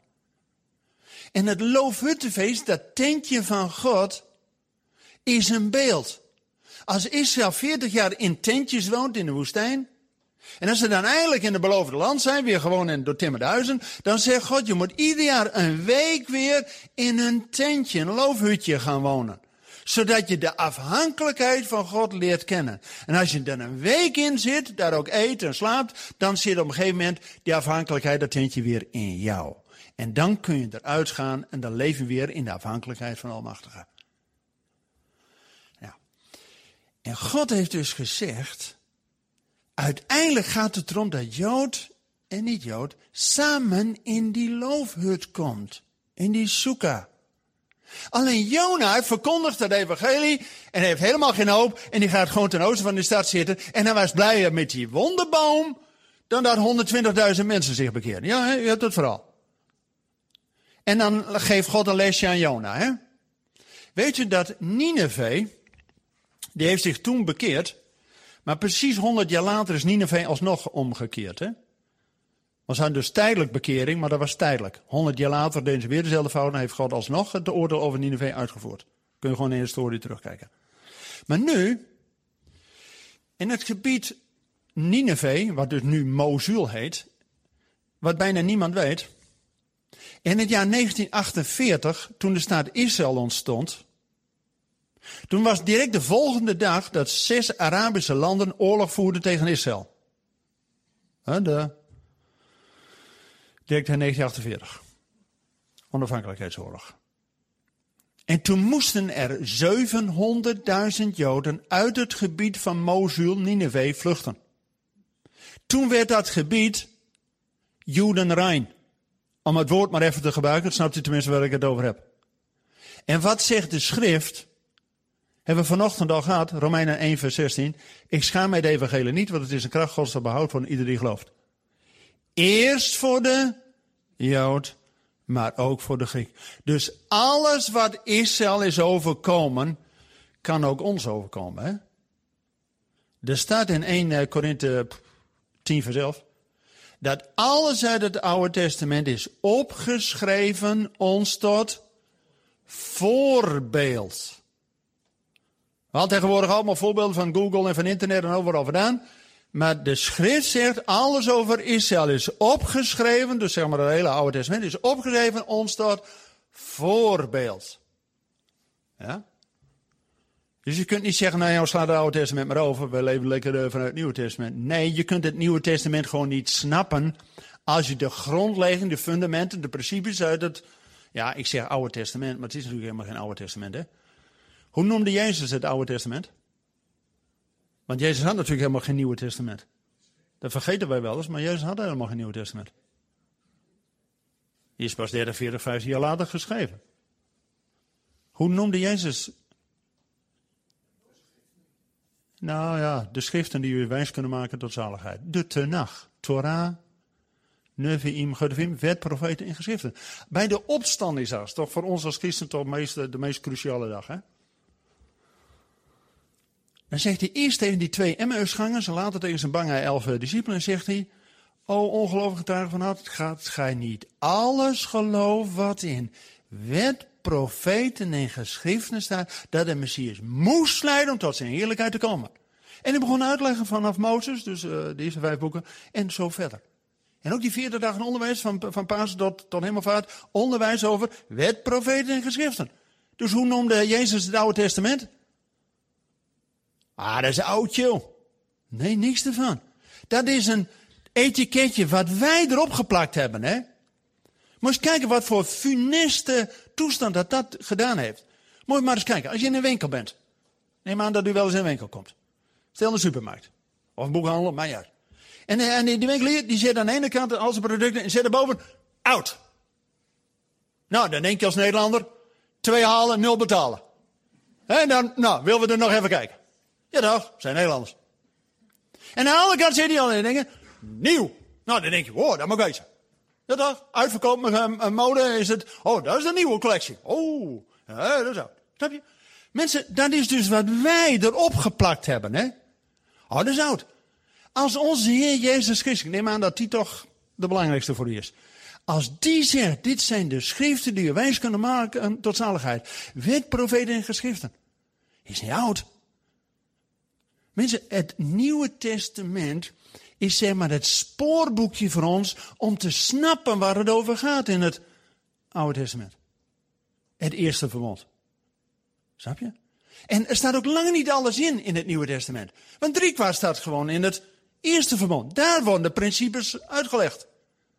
En zodat wij het ook nog wat snappen, wordt het Nieuwe Testament erbij gedaan. Maar ook het Nieuwe Testament heeft precies die drie deling als het eerste verbond was de driedeling van het Nieuwe Testament. Evangeliën plus Handelingen, dat zijn de vijf boeken van Jezus en de discipelen. De leerstelling hoe zij dat hebben. Dan hebben we de geschriften. Eerst van Paulus, de langste voorop, de kortste achteraan. En helemaal tot slot hebben we openbaring. Nou, we mogen van geluk spreken dat we openbaring nog in de Bijbel hebben. Weet u dat Luther en Calvijn, bedoel, daar heb ik diepe respect voor hoor. God heeft hun gebruikt om ons weer een beetje bij het woord te brengen. Maar op een aantal punten waren ze nog gewoon middeleeuws. Hè? Zaten ze nog helemaal in de katholieke traditie en snapten ze er nog niet zoveel van. Als je ook ziet hoe negatief Luther over Israël was. Oh, pure antisemiet. Man, en die verheerlijken wij als kerkvader. Kijk toch uit, man. Calvijn, broer, die respect voor, heeft 65 Bijbelcommentaren geschreven. Maar niet over openbaring. Daar kon hij niks mee. Maar mensen, waarom gaat het zo slecht in onze kerken? Omdat wij niet leven bij het profetische woord. Want als het eerste verbod, wet, profeten en geschriften, ik zei al, het draait om het centrum. Om het profetische woord. En de Bijbel zegt, wij achten het profetische woord niet gering. Ja? Ook het Nieuwe Testament, de Torah van Jezus, de evangelie plus handelingen, de eerste, 4 plus 1, dus precies, handreiken van Jezus. Dan zouden we de openbaring moeten hebben. Het profetische deel van het Nieuwe Testament. En dan de geschriften.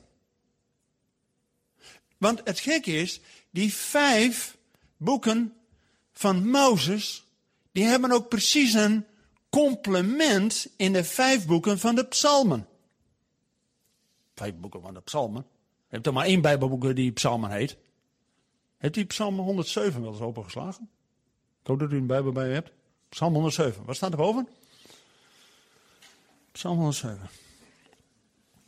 We gaan straks op de actualiteit in, hè? dus uh, ik hoop dat het nog even lukt. Psalm 107, daar staat boven het vijfde boek der psalmen.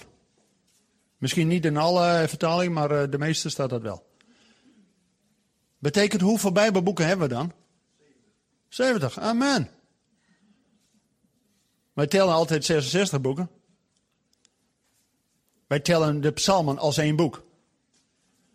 Dat is dus weer hè, één boek, maar er zijn vijf boeken.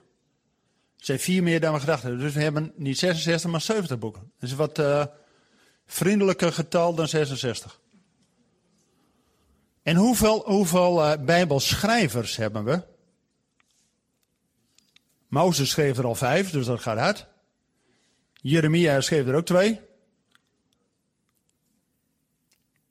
We hebben 40 bijbelschrijvers. 40 is ook een afgeronde eenheid. En hoeveel Joden waren dat? 39 en een half.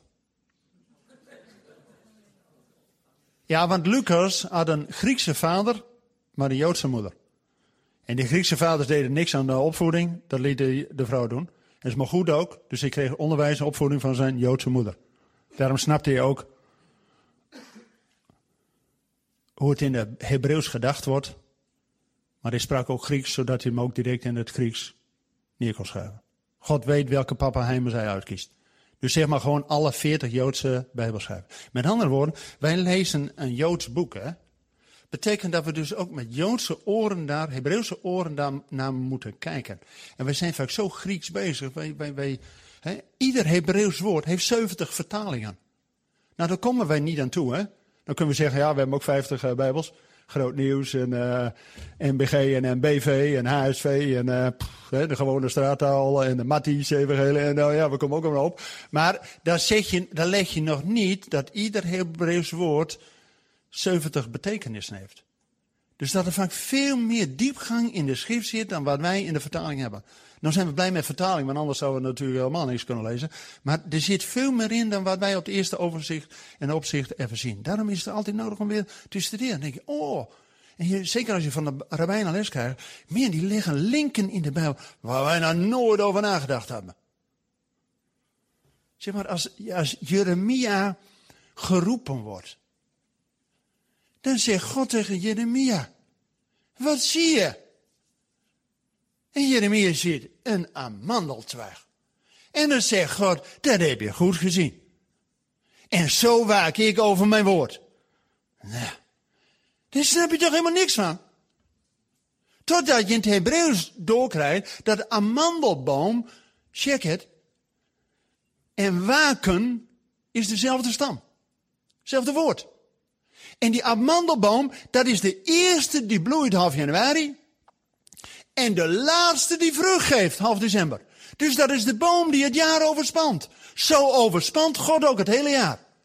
Kijk, als je dat ziet, dan denk je, oh, wauw, nooit geweten. Heb je wel eens dat verhaal gelezen? Dat Jezus met Palmzondag, dan heeft hij die vijgenboom. En dan gaat Jezus op zoek naar een paar vijgen. En er staat uitdrukkelijk in de tekst, het was de tijd van de vijgenoogst nog niet. Nou, ik vond dat altijd zo vreemd. Hè? Ik heb alle respect, maar Jezus, ik snap daar nog gewoon helemaal niks van. Hè? Wie zoekt nou vijgen aan de boom als er uitdrukkelijk in de schrift staat, het was niet de tijd van de vijgen? Nou, dat is toch een beetje oneerlijk. Ik bedoel, ik heb geen verstand tussen al die verschillende appelbomen. Mijn vader was keurmeester van aardappelen, dus ik weet iets van 400 aardappelrassen uit elkaar. Uh, dat lukt mij nog een beetje. Maar van appels en peren hebben we geen verstand, hè? Zeker de winters niet, hè? Ik zie het verschil echt niet. Maar zomers er vrucht aan is, ja, dan zie ik het zelfs. Wat een appelboom is, wat een perenboom. Wat een bruinboom. Maar als het dan duidelijk in de schrift zit, het was de tijd van de vijgen nog niet. Nou, dan denk ik, en dan vervloekt Jezus die boom ook nog. Dan denk ik, ja, kon die boom wel helpen. Maar dat was de tijd nog niet. Ja, maar wacht even, als je een keer in Israël geweest bent, dan weet je dat in het voorjaar, dan zwelt die vijgenboom, die heeft in het begin vijf vruchten. Die zijn heel sappig en mals. En die worden in het voorjaar. Maar het is een teken, als die goed zijn, dan is dat een heenwijzing naar een geweldige oogst. Dus Jezus keek naar de eersteling. En als die goed was, had hij hoop op de grote oogst. Maar als die begin niks is, nou haak ik maar om, maar dat wordt hem toch niet. Oh, dan ga je dat beeld snappen. Maar ja, nooit in Israël geweest bent of na de, tekst niet kent, ja, ja dan, dan snap je niet. Dan denk je, nou, Jezus is een beetje vreemd. Ja? Oké.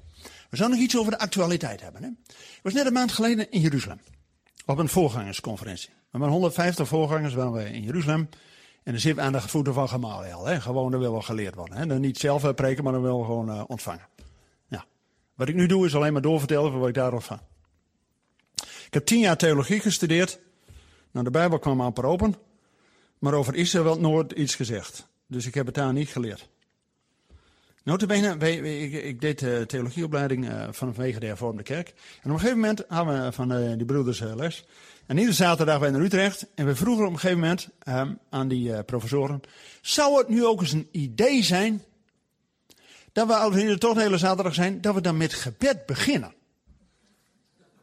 Maar we hadden daar natuurlijk een argument bij, hè? Tuurlijk, hè? Je bent student, hè? Je woorden over nagedacht. Maar we hadden als argument, ja, want als we straks op een kansel staan, dan moeten we het ook kunnen. Dat is een goed argument. Moeten gaan oefenen tijdens de opleiding. Je hoogleraar vanwege de hervormde kerk, die keek ons aan en die zegt, dat is hier niet de bedoeling.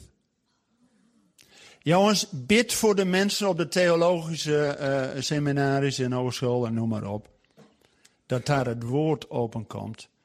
Maar als die later op de kansel staan en ze hebben niks geleerd, dan wordt het heel lastig. Ik heb gelukkig al een hoop in Israël uh, bij uh, geleerd. Want uh, alles wat God mij in 25 jaar heeft geleerd, kun je niet in 25 minuten preken even bij iedereen erin gieten. Dat lukt gewoon niet. Maar aldoende leren. En ik leer ook weer op. Dus ik was daar in Jeruzalem. En het was ook de dag van de Holocaust. Dus wij een krant leggen op Yad Vashem. En nou, trouwens, op Yad Vashem, je schaamt je de tenen uit hè, als Nederlander. Bent u er wel eens geweest op Yad Vashem? Oh, nou, ik ben er zeker dertig keer geweest inmiddels, maar iedere keer, oh, ik vind dat zo vreselijk, hè. Kom, ben je daar ook wel in dat dal van die gemeentes geweest? Als je dat bij Nederland komt, hè, de gemeente van Zwolle, van, eh, van Rotterdam en Amsterdam. Mensen in Nederland, we hadden onze, onze uh, uh, burgerlijke stand heel goed. Uh, hè? We zijn allemaal boekhouders, hè? Want alles keurig geregistreerd. Hè? Ook wie katholiek is, wie protestant, wie joods. Dus de handelingers van Hitler die hoefden maar naar de gemeentehuizen te gaan. En die had die uh, burgerlijke stand. En die wisten precies waar ze woonden. En anders hielpen wij als Nederlanders wel hun mee. Hè? Dat is, Nederland is het hoogste percentage Joden weggevoerd. Hè? 96 procent. En nou na de oorlog denken we, oh ja, maar we hadden ook Corrie de Boom. Ja, ja, dat is een enkeling, hè. Mensen, de Joden moesten zelf een kaartje kopen om met de trein naar eh, Westerbork te gaan, hè. En na de oorlog hadden wij als Nederlanders hun huis ook nog eens een keer ingepikt. Dus dan kreeg je degene die, die dan nog eens een keer geluk had om terug te komen, had ook nog niks.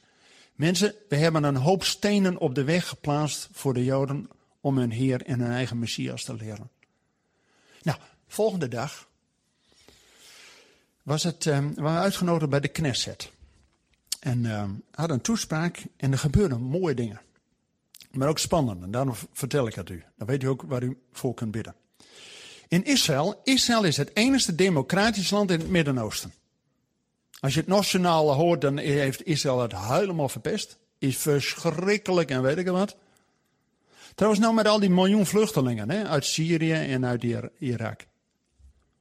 Is u ook opgevallen dat er geen enkele Palestijn bij is? Is dat ook opgevallen? Ze zijn zelfs uit Libië en uit Egypte vluchten ze eerst naar uh, Syrië en dan via Syrië naar Turkije en dan met bootje naar Europa. Maar er is geen Palestijn bij. Blijkbaar hebben die mensen het onder de Israëlische vlag mooier dan dat ze als gevangenen of gevluchteling via Syrië naar Europa gaan. Is dit wel eens opgevallen? Dat zul je nooit via het uh, nationaal horen. Oké. Maar goed, we hadden dus een toespraak van de Knesset. En die mensen zeiden: Kijk, wij zijn democratisch land in het Midden-Oosten. Iedereen mag wat zeggen. Zelfs de Arabische Israëli's hebben een stem in de Knesset. En die zijn helemaal niet positief over Israël. En, uh, weet ik wat, maar goed, geven ze gewoon vrijheid. Oké. Okay. Nou komt hij. Israël vindt het toch vreemd dat ze aan de ene kant wel alle religieuze uh, dingen in het land veilige toegang of het nou christelijke uh, religieuze dingen zijn, of moslim of joodse dingen. Israël garandeert vrije toegang tot al die religieuze dingen. Ze respect voor iedereen. Dat was anders vanaf 1967 tot 1980, toen Jordanië Jeruzalem had. Jordanië Hussein, een grote vriend van onze Beatrix, die heeft in die 19 jaar dat hij Jeruzalem had, 53 synagoges met de grond gelijk gemaakt. Zo. Nou, maar Israël, die garandeert vrije toegang tot alle religieuze sites. Hè? Of het nou moslim, christen of joods is. Maar heel typisch, de joden en christen mogen niet op de Tempelberg bidden. Is dat wel eens opgevallen? Kijk, Israël heeft wel de klaagmuur, maar dat is het natuurlijk nog niet, hè? Het gaat om die Tempelberg. Nou, dus zal de strijd Dus nou bereid, en ook in de Knesset zijn ook rabbijnen. Die niet alleen uh, geestelijk, uh, maar ook gewoon politiek ervoor staan. En die willen een wet nu voorbereiden dat ook de Knesset aanneemt dat de Joden en Christen ook op de Tempelberg mogen bidden. Nou, die rabbijn is al drie keer met de dood bedreigd. Zie je hoe zo'n geestelijke strijd daaromheen is? Volgende dag waren wij uitgenodigd op een excursie bij de Tempelberg. En dan net daarvoor heb je de stad Davids. De Ir David, stad Davids. Misschien wel eens van gehoord, hebben ze nu allemaal opgegraven. Ja. En dat zit namelijk precies. Kijk, die Tempelberg is niet zo hoog. Zoals rondom Jeruzalem zijn bergen, zo is de Heer rondom zijn volk. Die Tempelberg is helemaal een tempelheuveltje. Is niet zo hoog. Die olijfberg is veel hoger. En Mount Scopus en die andere, hè? die zijn allemaal veel hoger. Tempelberg zit er middenin. Maar goed, daar stond natuurlijk vroeger die tempel. En net daarvoor gaat het zo via het Kidrondal en de uh, uh, Gehenna naar beneden. Waar dat bij elkaar komt, daar is een badwater van Siloam. Was in de tijd van David, later in de tijd van Jezus ook. En die hebben ze nu weer opgegraven. En dat is een zeer profetische bron. Hans en Els heb ik al een paar keer meegenomen, want uh, ik zeg, dat moet wezen. Dus, kijk. En dan zijn ze nu weer met opgraving bezig. Ze hebben de, de, de, die citadel van David gevonden. Ze hebben ook de put van waar Jeremia in uh, gegooid is, gevonden. En ze hebben ook wat Hiskia gegraven heeft, dat is een eeuw later. Die, uh, want in de tijd van David en Salomo werden de koningen gekroond en gezalfd bij de bron Gihon. Dat ligt ook in die stad Davids. Maar dat Gihon betekent to burst out. Dat de, de, de bron, uh, de, die stoot water uit. Daar werden de koningen gekroond. Maar Hiskia, die denkt, ja, maar als het water de Kidron ingaat, dat kan uh, iemand die ons belegert, kan dat water ook aftappen. Dan hebben wij niks. Dus die heeft een tunnel gegraven, tunnel van Hiskia, om van, badwater, of van de bron Gion naar het badwater van Siloam. Dat is het onderste punt. En daar kwam het naar beneden en daar is ook die uh, poel. Dat is ook de poel waar Jezus die blindgeborene naartoe zendt. En Siloam betekent gezondene. Nou, wie is de gezondene? Jezus. En je nagaan. In de tijd van de tempel, dus ook in de tijd van Jezus, daar ging men met de feesten, Pasen, Pinkster en het Loofhuttenfeest, en vooral bij het Loofhuttenfeest, als dan drie maanden, vier maanden zomers helemaal geen drup regen is, wat is het laatste water wat nog diep in de aarde zit? Daarbij dat badwater van Siloam. En wie is ook degene die door alles heen uit het diepste der aarde opgeput wordt? Jezus. En wie is de gezondere? Jezus. Nou, ten tijde van de tempel, dat ze dus met het Loofhuttenfeest, dan gingen ze de eerste dag één keer met een priester, ging helemaal van de Tempelberg naar beneden, dat is bijna 200 meter naar beneden. En die ging met een gouden kruik water putten uit het allerlaatste water wat na de zomer daar nog is. En die put het op en die brengt het omhoog, 200 meter weer omhoog. Dat is een eind loop hoor. En dat is uh, heet. En, uh, maar goed, onder gejuich van op mensen ging hij op naar de tempel. En daar stort hij dat water uit voor het altaar van Heer als een gebed om regen. Want vanaf het Loofhuttenfeest begint het te regenen, zodat je weer kunt zaaien en met Pasen weer koren kunt maaien, oogsten. Ja, zodat de cyclus weer doorgaat. Want God heeft beloofd, ik zal mijn volk blijven zegenen. Die nemen allemaal ieder jaar weer. Oké. En de tweede dag doen ze dat twee keer. En op de laatste, de zevende dag, doen ze dat zeven keer. En dan gaat het publiek langs de kant. Die moedigt die priester aan. En dan zeggen ze, Psalm 118, Hosanna. Heer geef redding. Heer geef heil. Heer, geef regen. En dan moet je eens lezen wat er in Johannes 7 staat, vers 37. Dat op dat moment gaat Jezus staan, Johannes 7, vers 37. Dan staat Jezus en zegt, wie dorst heeft, komen tot mij en drinken. En een bron van levend water zal uit uw binnenste komen. Op dat moment, als ze dus zeggen, Heer geef regen, Heer geef Yeshua dan gaat die Yeshua staan en zegt, wie nou dorst heeft, komt aan mij en drinken en bron van leven water zal uit het binnenste komen. Dat profeteerde hij van de geest. Die iedereen die tot geloof kwam, ook door de geest woorden van eeuwig leven hebben. Wauw, dus dat gebeurt met het de feest. En dat laten wij als christenen ons maar een beetje van het bordje uh, doen. Door zo'n keizer die al uh, niet eens gedoopt was. Maar goed, lees de historie. Er is een hoop vervangingstheologie in ons denken. Hè?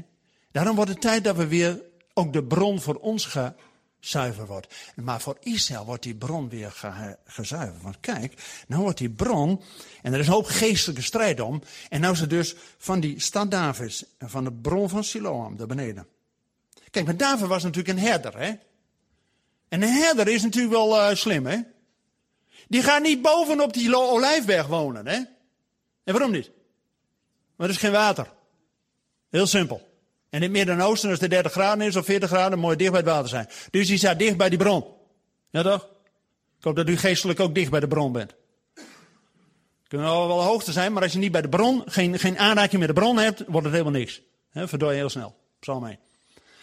Maar kijk, dus op dat Loofhuttenfeest is dus het feest waar dus inzameling van de gaven is, maar ook waar de oudste en de jongste zoon bij elkaar komt, waar paas en Pinkster wijst naar het Loofhuttenfeest van de olie en de zalving. Nou, dan wordt het als kijk, dan gaan we nog eens een keer uh, hè, ons dag uit. Nou, en weet u, wat wil ik dan over gaan vertellen? Zeg eens even. Help me nou even. Um, ja, ja, ja, nee, nee. Ik ken bij die bron van Siloam. Daar is een hoop geestelijke strijd om. Want die zit namelijk in de tuin van een Grieks-orthodox klooster. Dus een klooster wil niet dat je daar in een tuin graaft. En aan de andere kant staat een minaret, een moskee. En het is niet zomaar een moskee. Ik heb er een paar foto's van. Eh, Hans, Hans weet ervan. Dus ik heb een paar getuigen. Eh, minaret is heel speciaal. Daar, daar zie je de ware aard van de islam.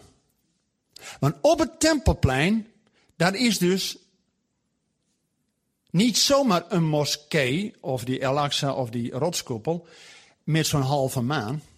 Weet u dat daar geen halve maan op staat? Maar die halve maan is gedraaid, is een ossenkop. En een ossenkop, dat is die stierenkop, dat is de god van Babel. Hey, en is het beeld van de nacht. En later hebben ze dan halve maan ook een beeld van de nacht. En bij die badwater van Siloam is ook die minaret, heeft dus niet die halve maan, maar die ossenkop, dus net even een beetje gedraaid. En er staat die vijf ster in van de vrijmetselarij. De Brothers in Crime. Want weet u, op het tempelplein, de Joden hebben die klaagmuur ervoor, hè? Dat weet u, hè? daar ziet u wel eens foto's van. De moslims hebben dus die heiligdommen op het tempelplein. Die christenen hebben die kerken daar allemaal omheen. Hè? Grafkerk en, uh, van Maria Magdalena en de hele handel meer. Oké. Weet u wie onder het tempelplein zit? De vrijmetselaars. Die gaan allemaal, uh, dat is de, de grot van Salomo. Ook wel de grot van uh, Zacharias genoemd. De laatste koning die daaruit gevlucht is. Want Salomo, die had toch die tempel gebouwd. En die, dat hout, dat ceder, kwam van de Libanon. Nou, prima. Met dat hout kun je de takken vanaf doen en dan kun je rollen. Dus kun je rollen. Maar die grote stenen, hebt u wel eens die grote stenen gezien bij die klaagmuur? Er zijn stenen bij, daar kun je gewoon, gewoon een, een tour doen, hè, daar bij de klaagmuur langs. Er zijn stenen bij, die zijn 13 meter lang, 3 meter breed, 1,5 meter hoog. Die wegen 250 ton. Nou, die kwamen echt niet bij de Libanon vandaan, hè? Waar kwamen die vandaan? Uit die Tempelberg. Uit de noordkant van die Tempelberg. En er staat ook in de schrift, Salomo had 70.000 steenhouders en 3000 opzichters. Dat een heel leger. Die was er druk. Eerst met die tempel zo weer te bouwen. Werd als een IKEA-bouwpakket eh, neergezet, hè? Ja, dat zegt de schrift. Er werd geen hamerslag gehoord op het tempelplein. Dus in die grot hakten ze dat uit. En dan met lieren en een paar uh, ossen ervoor. En dan werd het opgekrikt, 20 meter verder. En daar werd het opgestapeld. Heel simpel. Maar betekent, die, die Tempelberg, dat is dus een gatenkaas. Daaronder zit een gigantische grot, die is wel, wel, wel 800 meter diep. Je gaat vanaf de Damascus Gate helemaal tot onder de tempel. Oké, daar worden de vrijmetselaars ingewijd. Dus zie je hoe zo'n geestelijke strijd dat, dat daar is. de moslims en de vrijmetselaars en de, de hele rattenplan zit daar. Dus je moet weten hoe je geestelijk moet bidden. Nou, dan zijn ze dus bezig, net erbij, bij die Tempelberg, met die stad daar. We zitten net uh, daarvoor. En dan hebben ze dus nou eh, allerlei lagen weer opgegraven. En die archeologen nee, hebben tien lagen ontdekt. Ik snap er niks van, maar de archeologen snappen precies hoe het in elkaar zit. En die hebben twee lagen gevonden waar as zit. En kunnen ze precies terug traceren. De bovenste, dat is van de Romeinse tijd, dat is het jaar 0, eh, jaar 70. Hè, toen is dat allemaal door de Romeinen verwoest. Maar daarvoor, veel dieper, van Nebukadnezar. Hij heeft de stad toen ook verwoest, de eerste tempel. En dan kunnen ze die archeologen daar allemaal keurig terugzien. Kun je allemaal vinden daar bij de Tempelberg. En dan hebben ze dus nu doorgegaan, hebben ze de traptreden weer gevonden, waarop die priester met dat badwater van Siloam, met die kruik, zo opging naar de tempel. En die hebben ze dus, ja dat kunnen ze niet allemaal doen, maar ze hebben een meter uitgegraven en al die trappen gevolgd. En er is een tunnel geworden onder die weg door en die komt uit bij de klaagmuur. En die archeoloog die ik sprak uh, een maand geleden, die zegt ja, maar iedere keer als we hier beneden één steen wegrollen, dan breekt boven hier de pleuris uit. Oké, dus we hebben al twee dingen. In de Knesset wil men dat de Joden gaan bidden op het Tempelplein. De archeologen, honderden jaren was dat allemaal onder het stof. Hè? Zelfs pas vanaf 1980 eh, had Israël Jeruzalem. Maar pas de laatste 25 jaar zijn ze met die opgraving begonnen. Nou, dus dat, dan wordt het weg ook al geëffend. Kijk, wanneer in de tijd van Jezus, dan ging er niet één persoon op naar de tempel, maar er gingen een paar miljoen op naar de tempel. Dus dat, dat waren brede trappen. Maar goed, ze hebben eerst een meter uitgegraven, dat is een tunnel. Kun je gewoon doorheen. Een maand geleden doorheen gaan. Had ik ook nog nooit gezien. Dus iedere keer nieuw, nieuw ding. Maar weet u, er is nog een derde veel belangrijker. Vorig jaar op het Loofhuttenfeest. Er is één van die dagen, dan lopen wij met al die christenen ook met de Jeruzalemmars. Misschien wel eens van gehoord. Geweldig. Zoiets als de Vierdaagse van Nijmegen. Want het uh, Loofhuttenfeest is in Israël ook herfstvakantie. Dus ook alle kinderen vrij en alle hè, brandweers vrij als ze niet moeten werken en uh, verplegers vrij. Dus wat doen die mensen nou als een week vrij hè? Dan gaan ze wandelen. En s'avonds barbecuen, want dat is hun nationale uh, hobby, hè? Barbecue. Oké. Dus ze wandelen en overal door Jeruzalem, uh, door Israël. En de laatste dag, de vierde dag, is het op naar Jeruzalem. Net als bij de vierdaagse van Nijmegen, dan is de laatste dag, hè, de Via Gladiola, huppatee, hup naar uh, Nijmegen. Ik heb één keer gelopen, geweldig. Het heeft het niet bij de Jeruzalemmars. Nou, dus er lopen een 10.000 Joodse mensen, die mars. En wij met 5.000 christenen uit 100 landen mogen dat ook. Want we hebben natuurlijk gevraagd bij de, bij de autoriteiten van Jeruzalem. Waarom kunnen we niet meelopen? Nou ja, jullie hebben natuurlijk ook een hele pelgrimstocht al gehad. Hè? Sommigen komen van de Fiji-eilanden, doen er drie dagen over voordat ze in Jeruzalem zijn. Sommigen komen van het Amazonegebied. Oké, ik heb nog een paar vragen. Een paar. Ik, ik moet eerst zeggen, ik vind deze tekst zeer moedig.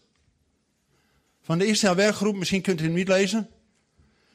Romeinen 15, vers 27. Daar staat precies in het plan van God. Ik had vanochtend al over de zegen van Abraham, die via Jezus ook naar ons is gekomen. Maar de Bijbel zegt ook, Romeinen 15, dat wij via Israël alle geestelijke zegen ontvangen hebben. Nou, welke zijn dat? Gods woord is door 40 Joodse schrijvers tot ons gekomen. Was geen Nederlander bij, hè? Want anders zouden we meer commentaar hebben geschreven dan Bijbeltekst. In Israël is men het ook nooit met elkaar eens. Maar het woord laten ze staan. Misschien bent u wel eens, uh, hebt u wel eens die, van de Qumran-rollen gehoord? Hebben ze een Jezaja-rol gevonden. Die is dus 2000 jaar oud, hè? Echt uit het jaar nul. En die is voor 99,999%, misschien hierna één lettertje wat men niet helemaal goed kan lezen, exact hetzelfde als wat wij nu hebben. Aan hem zijn de woorden van God toevertrouwd. God weet aan welke pappenheimer zij dat toevertrouwd. Want ze hebben dat letterlijk overgeschreven. En iedere keer ze checken en een ander controleert aan het. En als er één letter verkeerd is, wordt de hele boekrol weggegooid. Weet je wat zo'n boekrol kost? 150.000 dollar. Ja, 120.000. Straks eh, bij de, bij de klaagmuur hebben ze af en toe bij mitzwa. En dan wordt dan, dan gelezen uit die Torahrol. Nou, dan mogen ze eh, één keer eruit lezen. Maar zo'n ding kost 120.000 euro. Meer. Daar zijn ze ook, nou ja, niet alleen trots op, maar ook even dimmen. Met andere woorden, ze zijn daar zeer op het woord georiënteerd. En deze, als we, dus we hebben het woord via Israël ontvangen. We hebben Gods zoon via Israël ontvangen. Wat zegt Matthäus 1? Drie keer veertien geslachten, 100% Joods. Van Abraham tot David, tot ballingschap, tot Jezus, drie keer veertien geslachten. Zo'n hoofdstuk wat wij altijd overslaan, hè? weet je wel? Matthäus 1, denk je, ah, geslacht. Is dat nou evangelie? Ja, dan weet u, in die drie keer veertien ligt het patroon van Israël die uit Egypte naar het beloofde land ging. Ze hadden eerst veertien pleisterplaatsen, dan kwamen ze bij Kadas Barnea, aan de zuidkant van de land. En toen hadden ze die twaalf verspieders. Tien zeiden, nou, dat moeten we niet doen, joh. En twee zeiden, ja, we gaan, omdat de Heer voor ons is. Maar toen moesten ze terug, onwillige zoon betekent dat, Kadas Barnea. Toen moesten ze weer veertien etages naar beneden. En met Jozef gaan ze weer 14 etages omhoog, gaan ze bij Jericho, bij Gilgal, de, de beloofde land in. Precies diezelfde, drie keer 14. En dat is ook de periode van Abraham tot David, van de profetische lijn. Van David tot ballingschap, de koninklijke lijn. Van de ballingschap tot Jezus, van de priesterlijke lijn. Dus Jezus laat in zijn DNA 42 generaties zien dat hij de profetische lijn, de koninklijke lijn, de priesterlijke lijn vertegenwoordigt. En 14 is in het Hebreeuws de naam David. Wat betekent David? De geliefde. Waar draait het allemaal om? Om de geliefde. Die zoon van David, die nog meer is, de Yeshua hemzelf. Mensen, als je met Hebreeuwse oor leest, wordt zelfs Matthäus 1 evangelie. Weet u dat mensen uit India daar al door tot geloof komen? In India, met die hele hindoe en uh, dat soort, dan is het, nou ja, nou worden mensen hooguit honderd. Voor de grote breuk werden mensen duizend. Voor de grote breuk daarvoor tienduizend. En daarvoor honderdduizend. Dat komt nog een aan. Maar juist dat de geslachtslijn van Jezus, heel concreet van Abraham, Noach de tiende, de twintigste Abraham, hè, en dan drie keer vier geslacht tot Jezus. Je kunt precies terugtraceren dat Jezus niet zomaar een beetje in het lucht ledige, maar op de dagen af. Dan worden mensen uit India, die komen daardoor al tot geloof. Dat ze een fundament hebben. Nou. Wat wou ik nou vertellen? Oh ja, over deze. Ja, nee, nee, maar kijk. Um, nou, er zit zoveel rijkdom in. Kijk, weet u, wat hebben we allemaal via Israël ontvangen? Gods woord, Gods zoon en Gods geest.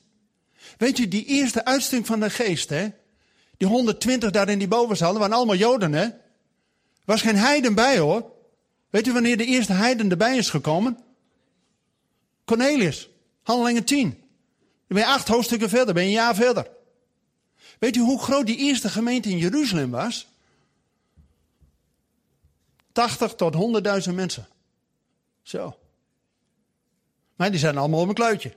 Dus God moest ook wel wat doen om ze eruit te krijgen. Oké. Nou, deze tekst, Romeinen 15, die zegt dat. We hebben alle geestelijke zegen via Israël ontvangen. Gods woord, Gods zoon en Gods geest. Wat heb je nog meer nodig? Nou moet je eens kijken wat daarin zit. Wanneer is Gods woord gekomen? Wanneer Israël de eerste keer in het land is. Is Gods woord gekomen. Het hele Oude Testament toegeschreven. Toen zijn ze naar Babel. Hè, omdat ze zelf ook niet het woord geloofden. Moesten ze 70 jaar naar Babel. Zodat het land zijn rug kreeg. Na 70 jaar zijn ze teruggekomen. En 400 jaar precies daarna is Jezus gekomen. En daarna de geest. Dat was toen de tweede keer Israël in het land was. En de Bijbel zegt, ze worden twee keer uit het land en twee keer terug in het land. Nu zijn ze weer terug in het land. Wat kunnen we nu verwachten? De wederkomst. Want alle andere geestelijke zegeningen, Gods woord, Gods zoon en Gods geest, hebben we al. is genoeg om tot geloof te komen. Dus waar we nog naar uitzien is de wederkomst. En tot die tijd geldt deze tekst. Vind ik zeer moedig van de Israëlwerkgroep. Ik heb er twee keer over gepreekt in de landen. Ik hoef nooit weer te komen. Ja, ja, ja, ja, je maakt wat mee. Dit is het woord van God, hè? Weet u dat God bedoeld heeft als wij alle zegeningen via Israël ontvangen hebben? Gods woord, Gods zoon en Gods geest. Dan zegt de schrift, de Bijbel, God zelf, ik niet, de Bijbel, hè? Dan zijn wij verplicht vanuit onze materiële dingen hen te zegenen. Dat doet Paulus. Handelingen 15, de eerste concilie uh, te Jeruzalem. En dat wordt herhaald in Galaten 2. Dat uh, Paulus en Barnabas, die zullen naar de heiden gaan. Petrus is de apostel voor de Joden. En Paulus en Barnabas voor de heiden. En er staat er uitdrukkelijk bij, gedenk de armen van Jeruzalem. Heb ik niet bedacht, is het woord van God. Dus Paulus doet niks anders. Iedere keer zegt hij in 1 Korinthe 16. Dat iedere eerste dag van de week legt men wat apart voor de armen van Jeruzalem. Dat wanneer Paulus komt met zijn rondreis om weer naar Jeruzalem te gaan, dat dan niet pas een collecte gehouden moet worden, maar dan is het er al. Kan hij direct meenemen. En dat wordt vier keer herhaald in de Bijbel. En iedere gemeente die Paulus sticht in Antiochia, heeft hij drie jaar gewerkt.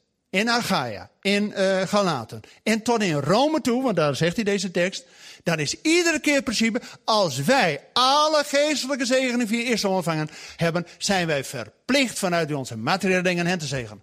Dus de eerste plek is voor Jeruzalem. Dat is het plan van God. Maar wij als christenen, we weten het allemaal beter. En helaas, ik heb er een paar keer over gepreekt in land, ik hoef nooit weer te komen. Want oeh, wie zegt, de, de moet je nog collecten mee hebben ook. En jongens, het gaat niet om mij, ik hoef hier niet van te leven. Maar het woord van God. Als wij gezegend willen worden, als we blij en dankbaar zijn dat we alle geestelijke zegeningen via Israël ontvangen hebben. Gods woord, Gods zoon en Gods geest. Dan zijn we niet meer dan verplicht. Alleen wat hebben wij gedaan? We hebben Israël natuurlijk met, met de knuppel en de klabats en de geprobeerd het evangelie in te prenten. We hebben de kruistocht, de inquisitie, de pogroms en de holocaust uh, meegemaakt. Uit het christelijke Europa, hè? Ik bedoel, uh, shame on us.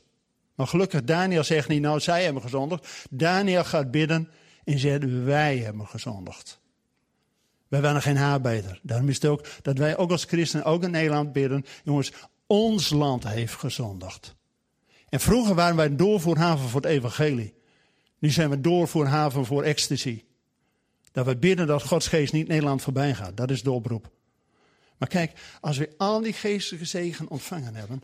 Weet u, we moeten nu van een Joodse rabbijn leren hoe we Israël benaderen. Weet u, dat die Roodse rabbijn Pinchas Labide die zegt: Jongens, jullie hebben helemaal nog niet gedaan wat jullie eigen Paulus zegt. En wat zegt Paulus? Dat we Israël tot jaloersheid moeten brengen. Nou, dat hebben daar zijn we nog niet aan toegekomen de laatste 2000 jaar. Weet u, de Christelijke Ambassade, en dat is ook op de stand, hebben een musical gemaakt. Want ja, je mag niet evangeliseren in Israël, doen we ook niet. Maar je mag wel op muzikale manier met hun eigen tenag, hun eigen Eerste Testament confronteren. Dus we hebben een musical gemaakt, een muzikale gebeuren. Van het verhaal van Abraham, van Mozes, van David, van Rabbi Yeshua tot aan de staat Israël toe. En hebben al meer dan 50.000 mensen in Israël gezien.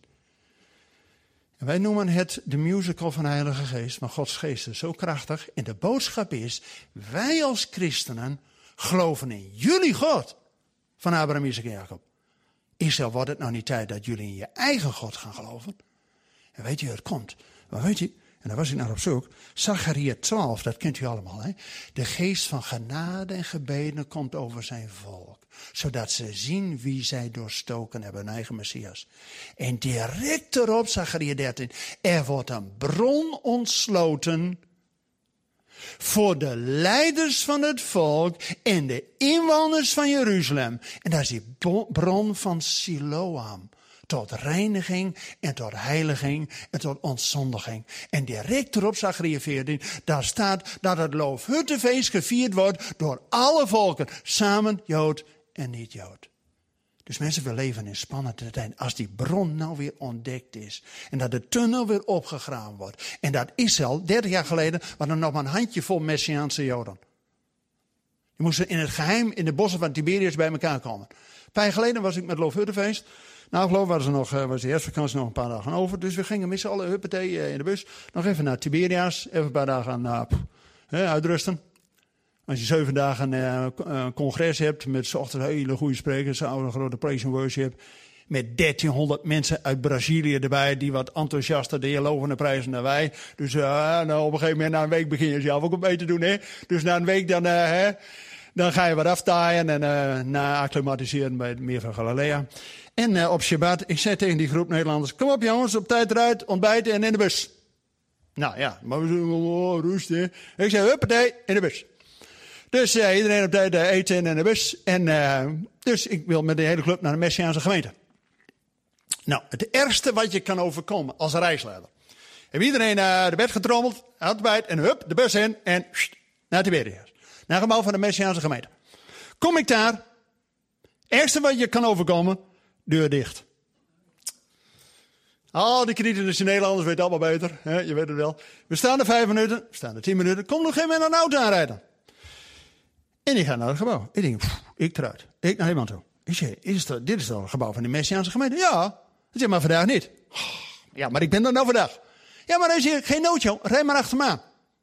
Het heeft zo moeten wezen Wij achter dat autootje aan, die grote bus achter dat autootje. Hup, want als je meer, Tiberias ligt bij het meer. Dus het ligt, uh, en dan moet je de bergen, dan moet je eerst omhoog. Dus wij door die bergen in de bossen van Tiberias. En wat zag ik? En ik had 50 getuigen bij me, de hele bus vol Nederlands. Dat er waren tien Messiaanse gemeentes bij elkaar. En drie christen-Arabische gemeentes. En die kwamen na het Loofhuttenfeest bij elkaar, was het die Shabbat allemaal vrij. En die kwamen daar in de bossen van Tiberias, omdat de plek in het gebouw in Tiberias veel te klein was. Ze waren daar met veertien gemeentes bij elkaar. Geweldig. Mensen, er zijn inmiddels een 14.000 Messiaanse gelovigen in Israël. En zeker een 100.000 Jews for Jesus buiten Israël.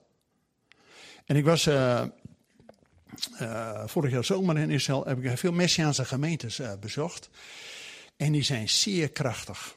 De helft van de mensen is onder de 25. En dat zijn dus niet, zoals de eerste generatie, zijn eigenlijk Amerikaanse Joden die naar Israël gaan, maar meer Engels spreken dan Ivriet. Maar die tweede generatie, die is daar geboren. Die spreekt 100% Ivriet. En die gaat ook in het leger.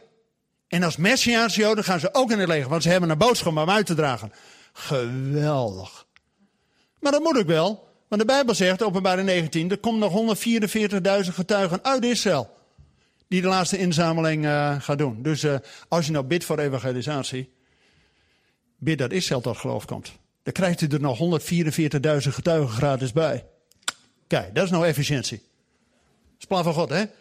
Maar deze tekst, mensen, dat is proclamatie. Dat is precies het plan van God. Als wij alle geestelijke zegen van Jen hebben ontvangen, dan zijn wij verplicht vanuit onze materiële dingen hen te zegenen.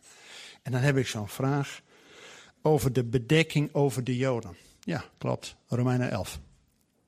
Weet u wat het plan van God is? Dat Israël een gedeeltelijke verharding krijgt. Enkele takken zijn weggebroken, zegt de schrift. Zodat het evangelie ruimschoots naar ons gaat. En wij als wilde takken geënt worden op diezelfde stam van Abraham, Isaac en Jacob. Abraham is de wortel, de stam, Isaac en de kroon waar alles uit voortkomt, Jacob. Zijn beeld. Wij als wilde takken geënt. Betekent.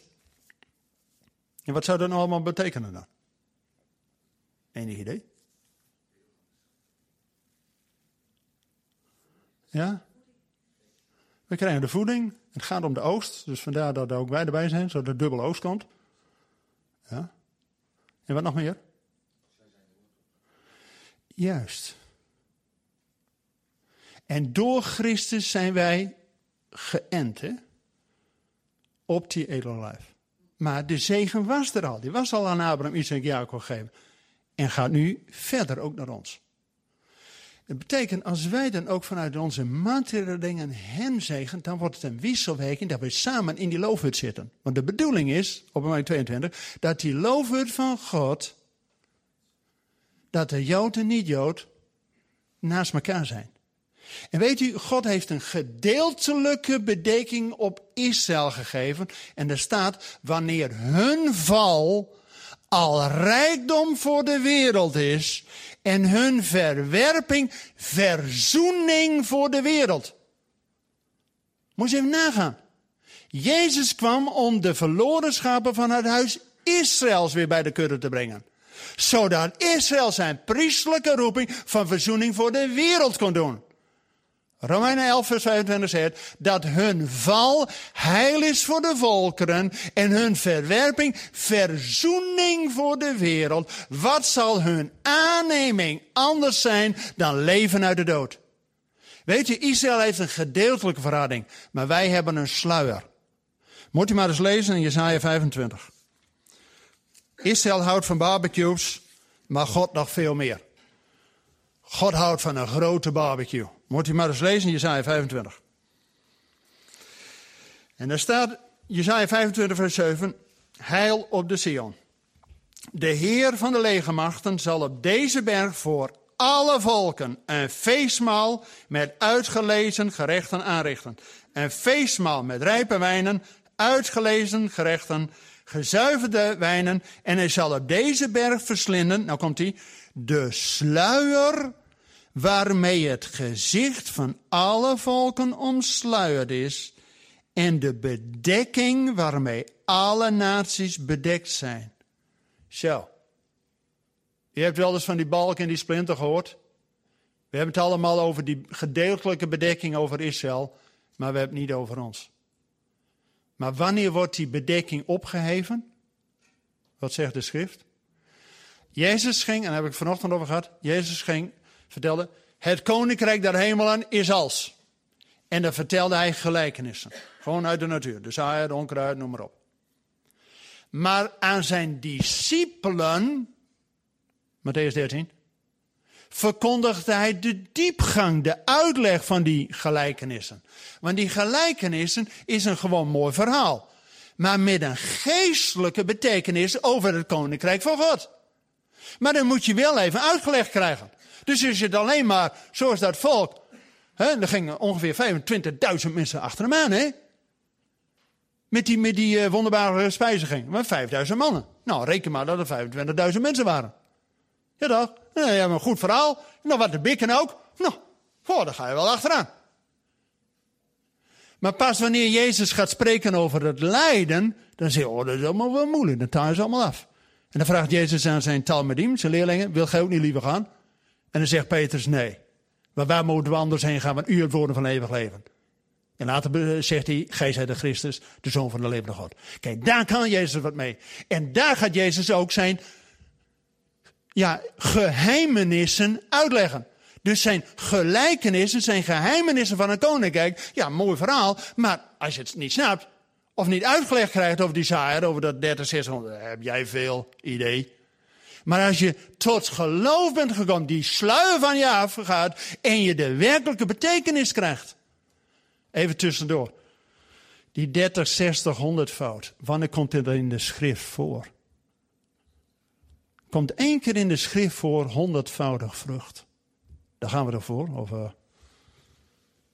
hebben we hier nog maar minimaal. Hè? Dat is in de tijd van Isaac. Staat er. Isaac ging uit om te zaaien.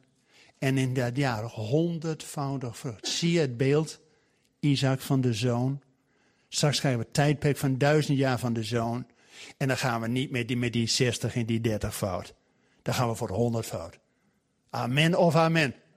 Ik laat u geen keuze, want de schrift geeft u geen keus. Ja, toch? Dus jongens, bedekking. Nou, er is eerst nog een hoop uh, sluier bij ons, hè? Ja. En over evangelisatie onder de Joden. Nou, we moeten hun tot jaloersheid brengen. We moeten stenen opruimen. Mijn vrouw heeft tien jaar in Israël gewoond en gewerkt. Komen mensen zeggen, hoeveel mensen zijn door geloof gekomen? Ze zeggen geen één. Oh, wat ben je ermee bezig? Nou, stenen opruimen. Weet u dat het voor een Jood heel moeilijk is om christen te worden? Dit verhaal heb ik van een Messiaanse voorganger. Wat ik u nu vertel. In 1948 is de staat Israël ontstaan. Ja, dat weet u. Nou, dat was geweldig, hè? Geweldig. Na 2000 jaar eindelijk weer een eigen staat. Ze moest wel direct vechten, want uh, de rest was er niet zo mee eens. Maar het is God dat voor hen streed, anders waren ze al lang de zee ingedreven. In 1967 kregen ze Jeruzalem. Geweldig, zonder slag of stoot. Op de tijd van God staat geprofiteerd in Daniel 8. Lees hem maar na. Op de dag af. Alleen, 1980 toen werd Jeruzalem tot hoofdstad van Israël. Nou, toen hadden dertien landen, en Arafat in de Verenigde Naties, dat mag allemaal niet. Daarna hebben ze boycott van de olie en bla bla bla. Dertien landen gingen hun ambassades uit Jeruzalem weghalen. Toen zeiden christenen op het Loofhuttenfeest in Jeruzalem in 1980, ja dat kan onze regering wel doen. Maar wij gaan als christen van Nederland, van België, van Duitsland, van Amerika en weet ik wat, een christelijke ambassade te Jeruzalem stichten. En die is er dus al 35 jaar. En dat heet wel christelijke ambassade, maar eigenlijk is het een ambassade van Christus. We zijn ambassadeurs van Christus in Jeruzalem. En we doen maar één ding, stenen ruimen. Want weet u, die Joodse man, Asher in Trader heet hij, die uh, Was natuurlijk 1948 en 1967 geweldig. Maar in 1973 kwam het debakel. De Yom Kippur-oorlog. En zij leggen altijd de krant naast de Bijbel. Wat wil God door de toestand leren?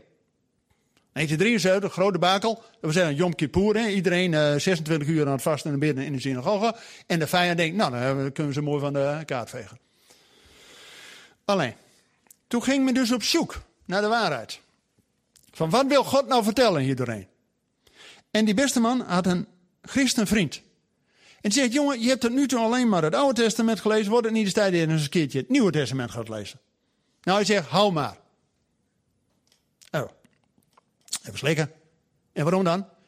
Ja, hij kende maar twee soorten christenen. Katholiek of protestant. Nou, dan denk ik, ben je al een heel eind. Ja, ik bedoel, wat weet ik nou van die moslims? Ja, Shiiten en Soenieten. En ze hebben nog ruzie ook.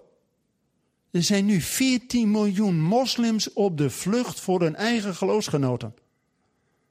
Heeft Israël niks mee te maken, hè? In Saoedi-Arabië staat een tentenkamp voor die mensen die één keer per jaar de Hajj gaan doen. Voor 2 miljoen mensen kunnen daar zo zonder problemen in die tentenkamp met airconditioning en noem maar op. Wordt één week per jaar gebruikt, dus 51 weken per jaar kunnen die vluchtelingen erin. Maar er komt geen vluchteling uit Syrië of Irak, komt in het mooie tentenkamp van de Hajj bij Mekka.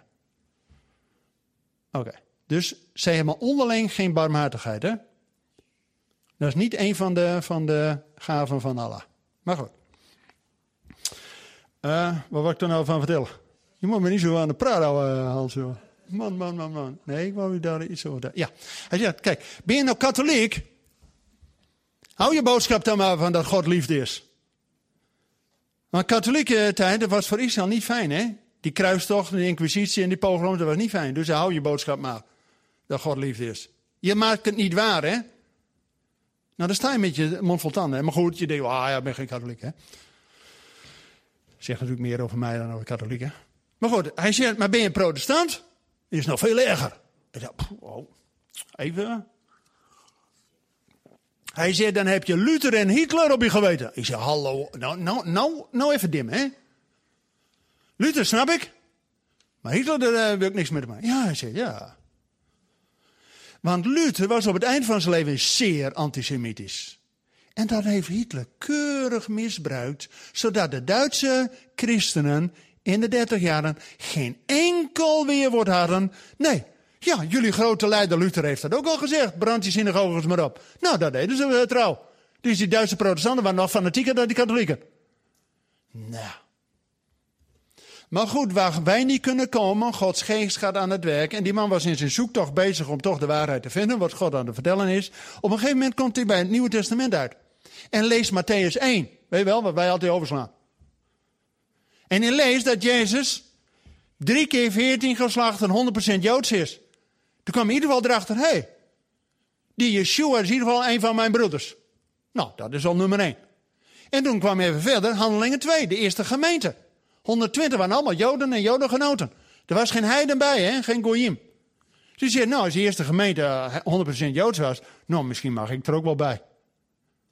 Dus waar wij niet kunnen komen, Gods geest werkt door, nou is die Messiaans voorganger in Jeruzalem. En vertelde hij me dit verhaal. Mensen, we hebben een hoop boter op ons hoofd hoor, als christen. Weet u, ik had het vanochtend over uh, uh, die Jozef en ook de Messias ben Jozef. Weet u, Jozef, die was gekleed als een Egyptische vorst. Hè?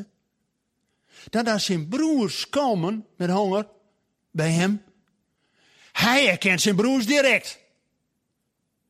Maar die broers herkennen hem niet. Hè? Omdat hij volledig van zijn Jood zijn ontdaan was. Als een Egyptische farao gekleed, met een tolk moest praten. Tuurlijk, hij test hem wel. Zodat ze vooral bij de tweede keer, nou komt het evangelie. De tweede keer, wanneer komen ze terug? Na twee jaar. Is dat niet een symbool voor na 2000 jaar? Want als één dag al duizend jaar is, waarom is dat niet een voorafschudding. Mensen, nu na 2000 jaar is er voor het eerst in de geschiedenis opening vanuit de broeders, vanuit Israël, om die Rabbi Yeshua, hun eigen Messias, te leren kennen. En als wij bidden, Zachariah 12, dat de geest van genade gebeden ook over hen komt, dan zullen ze zelf zien wie hun. Ja, wat is de naam van Yeshua? Wat betekent Yeshua, Jezus? En we vertalen dat altijd met Jezus en denken dat Christus een achternaam is. Wanneer is Jezus tot Christus geworden?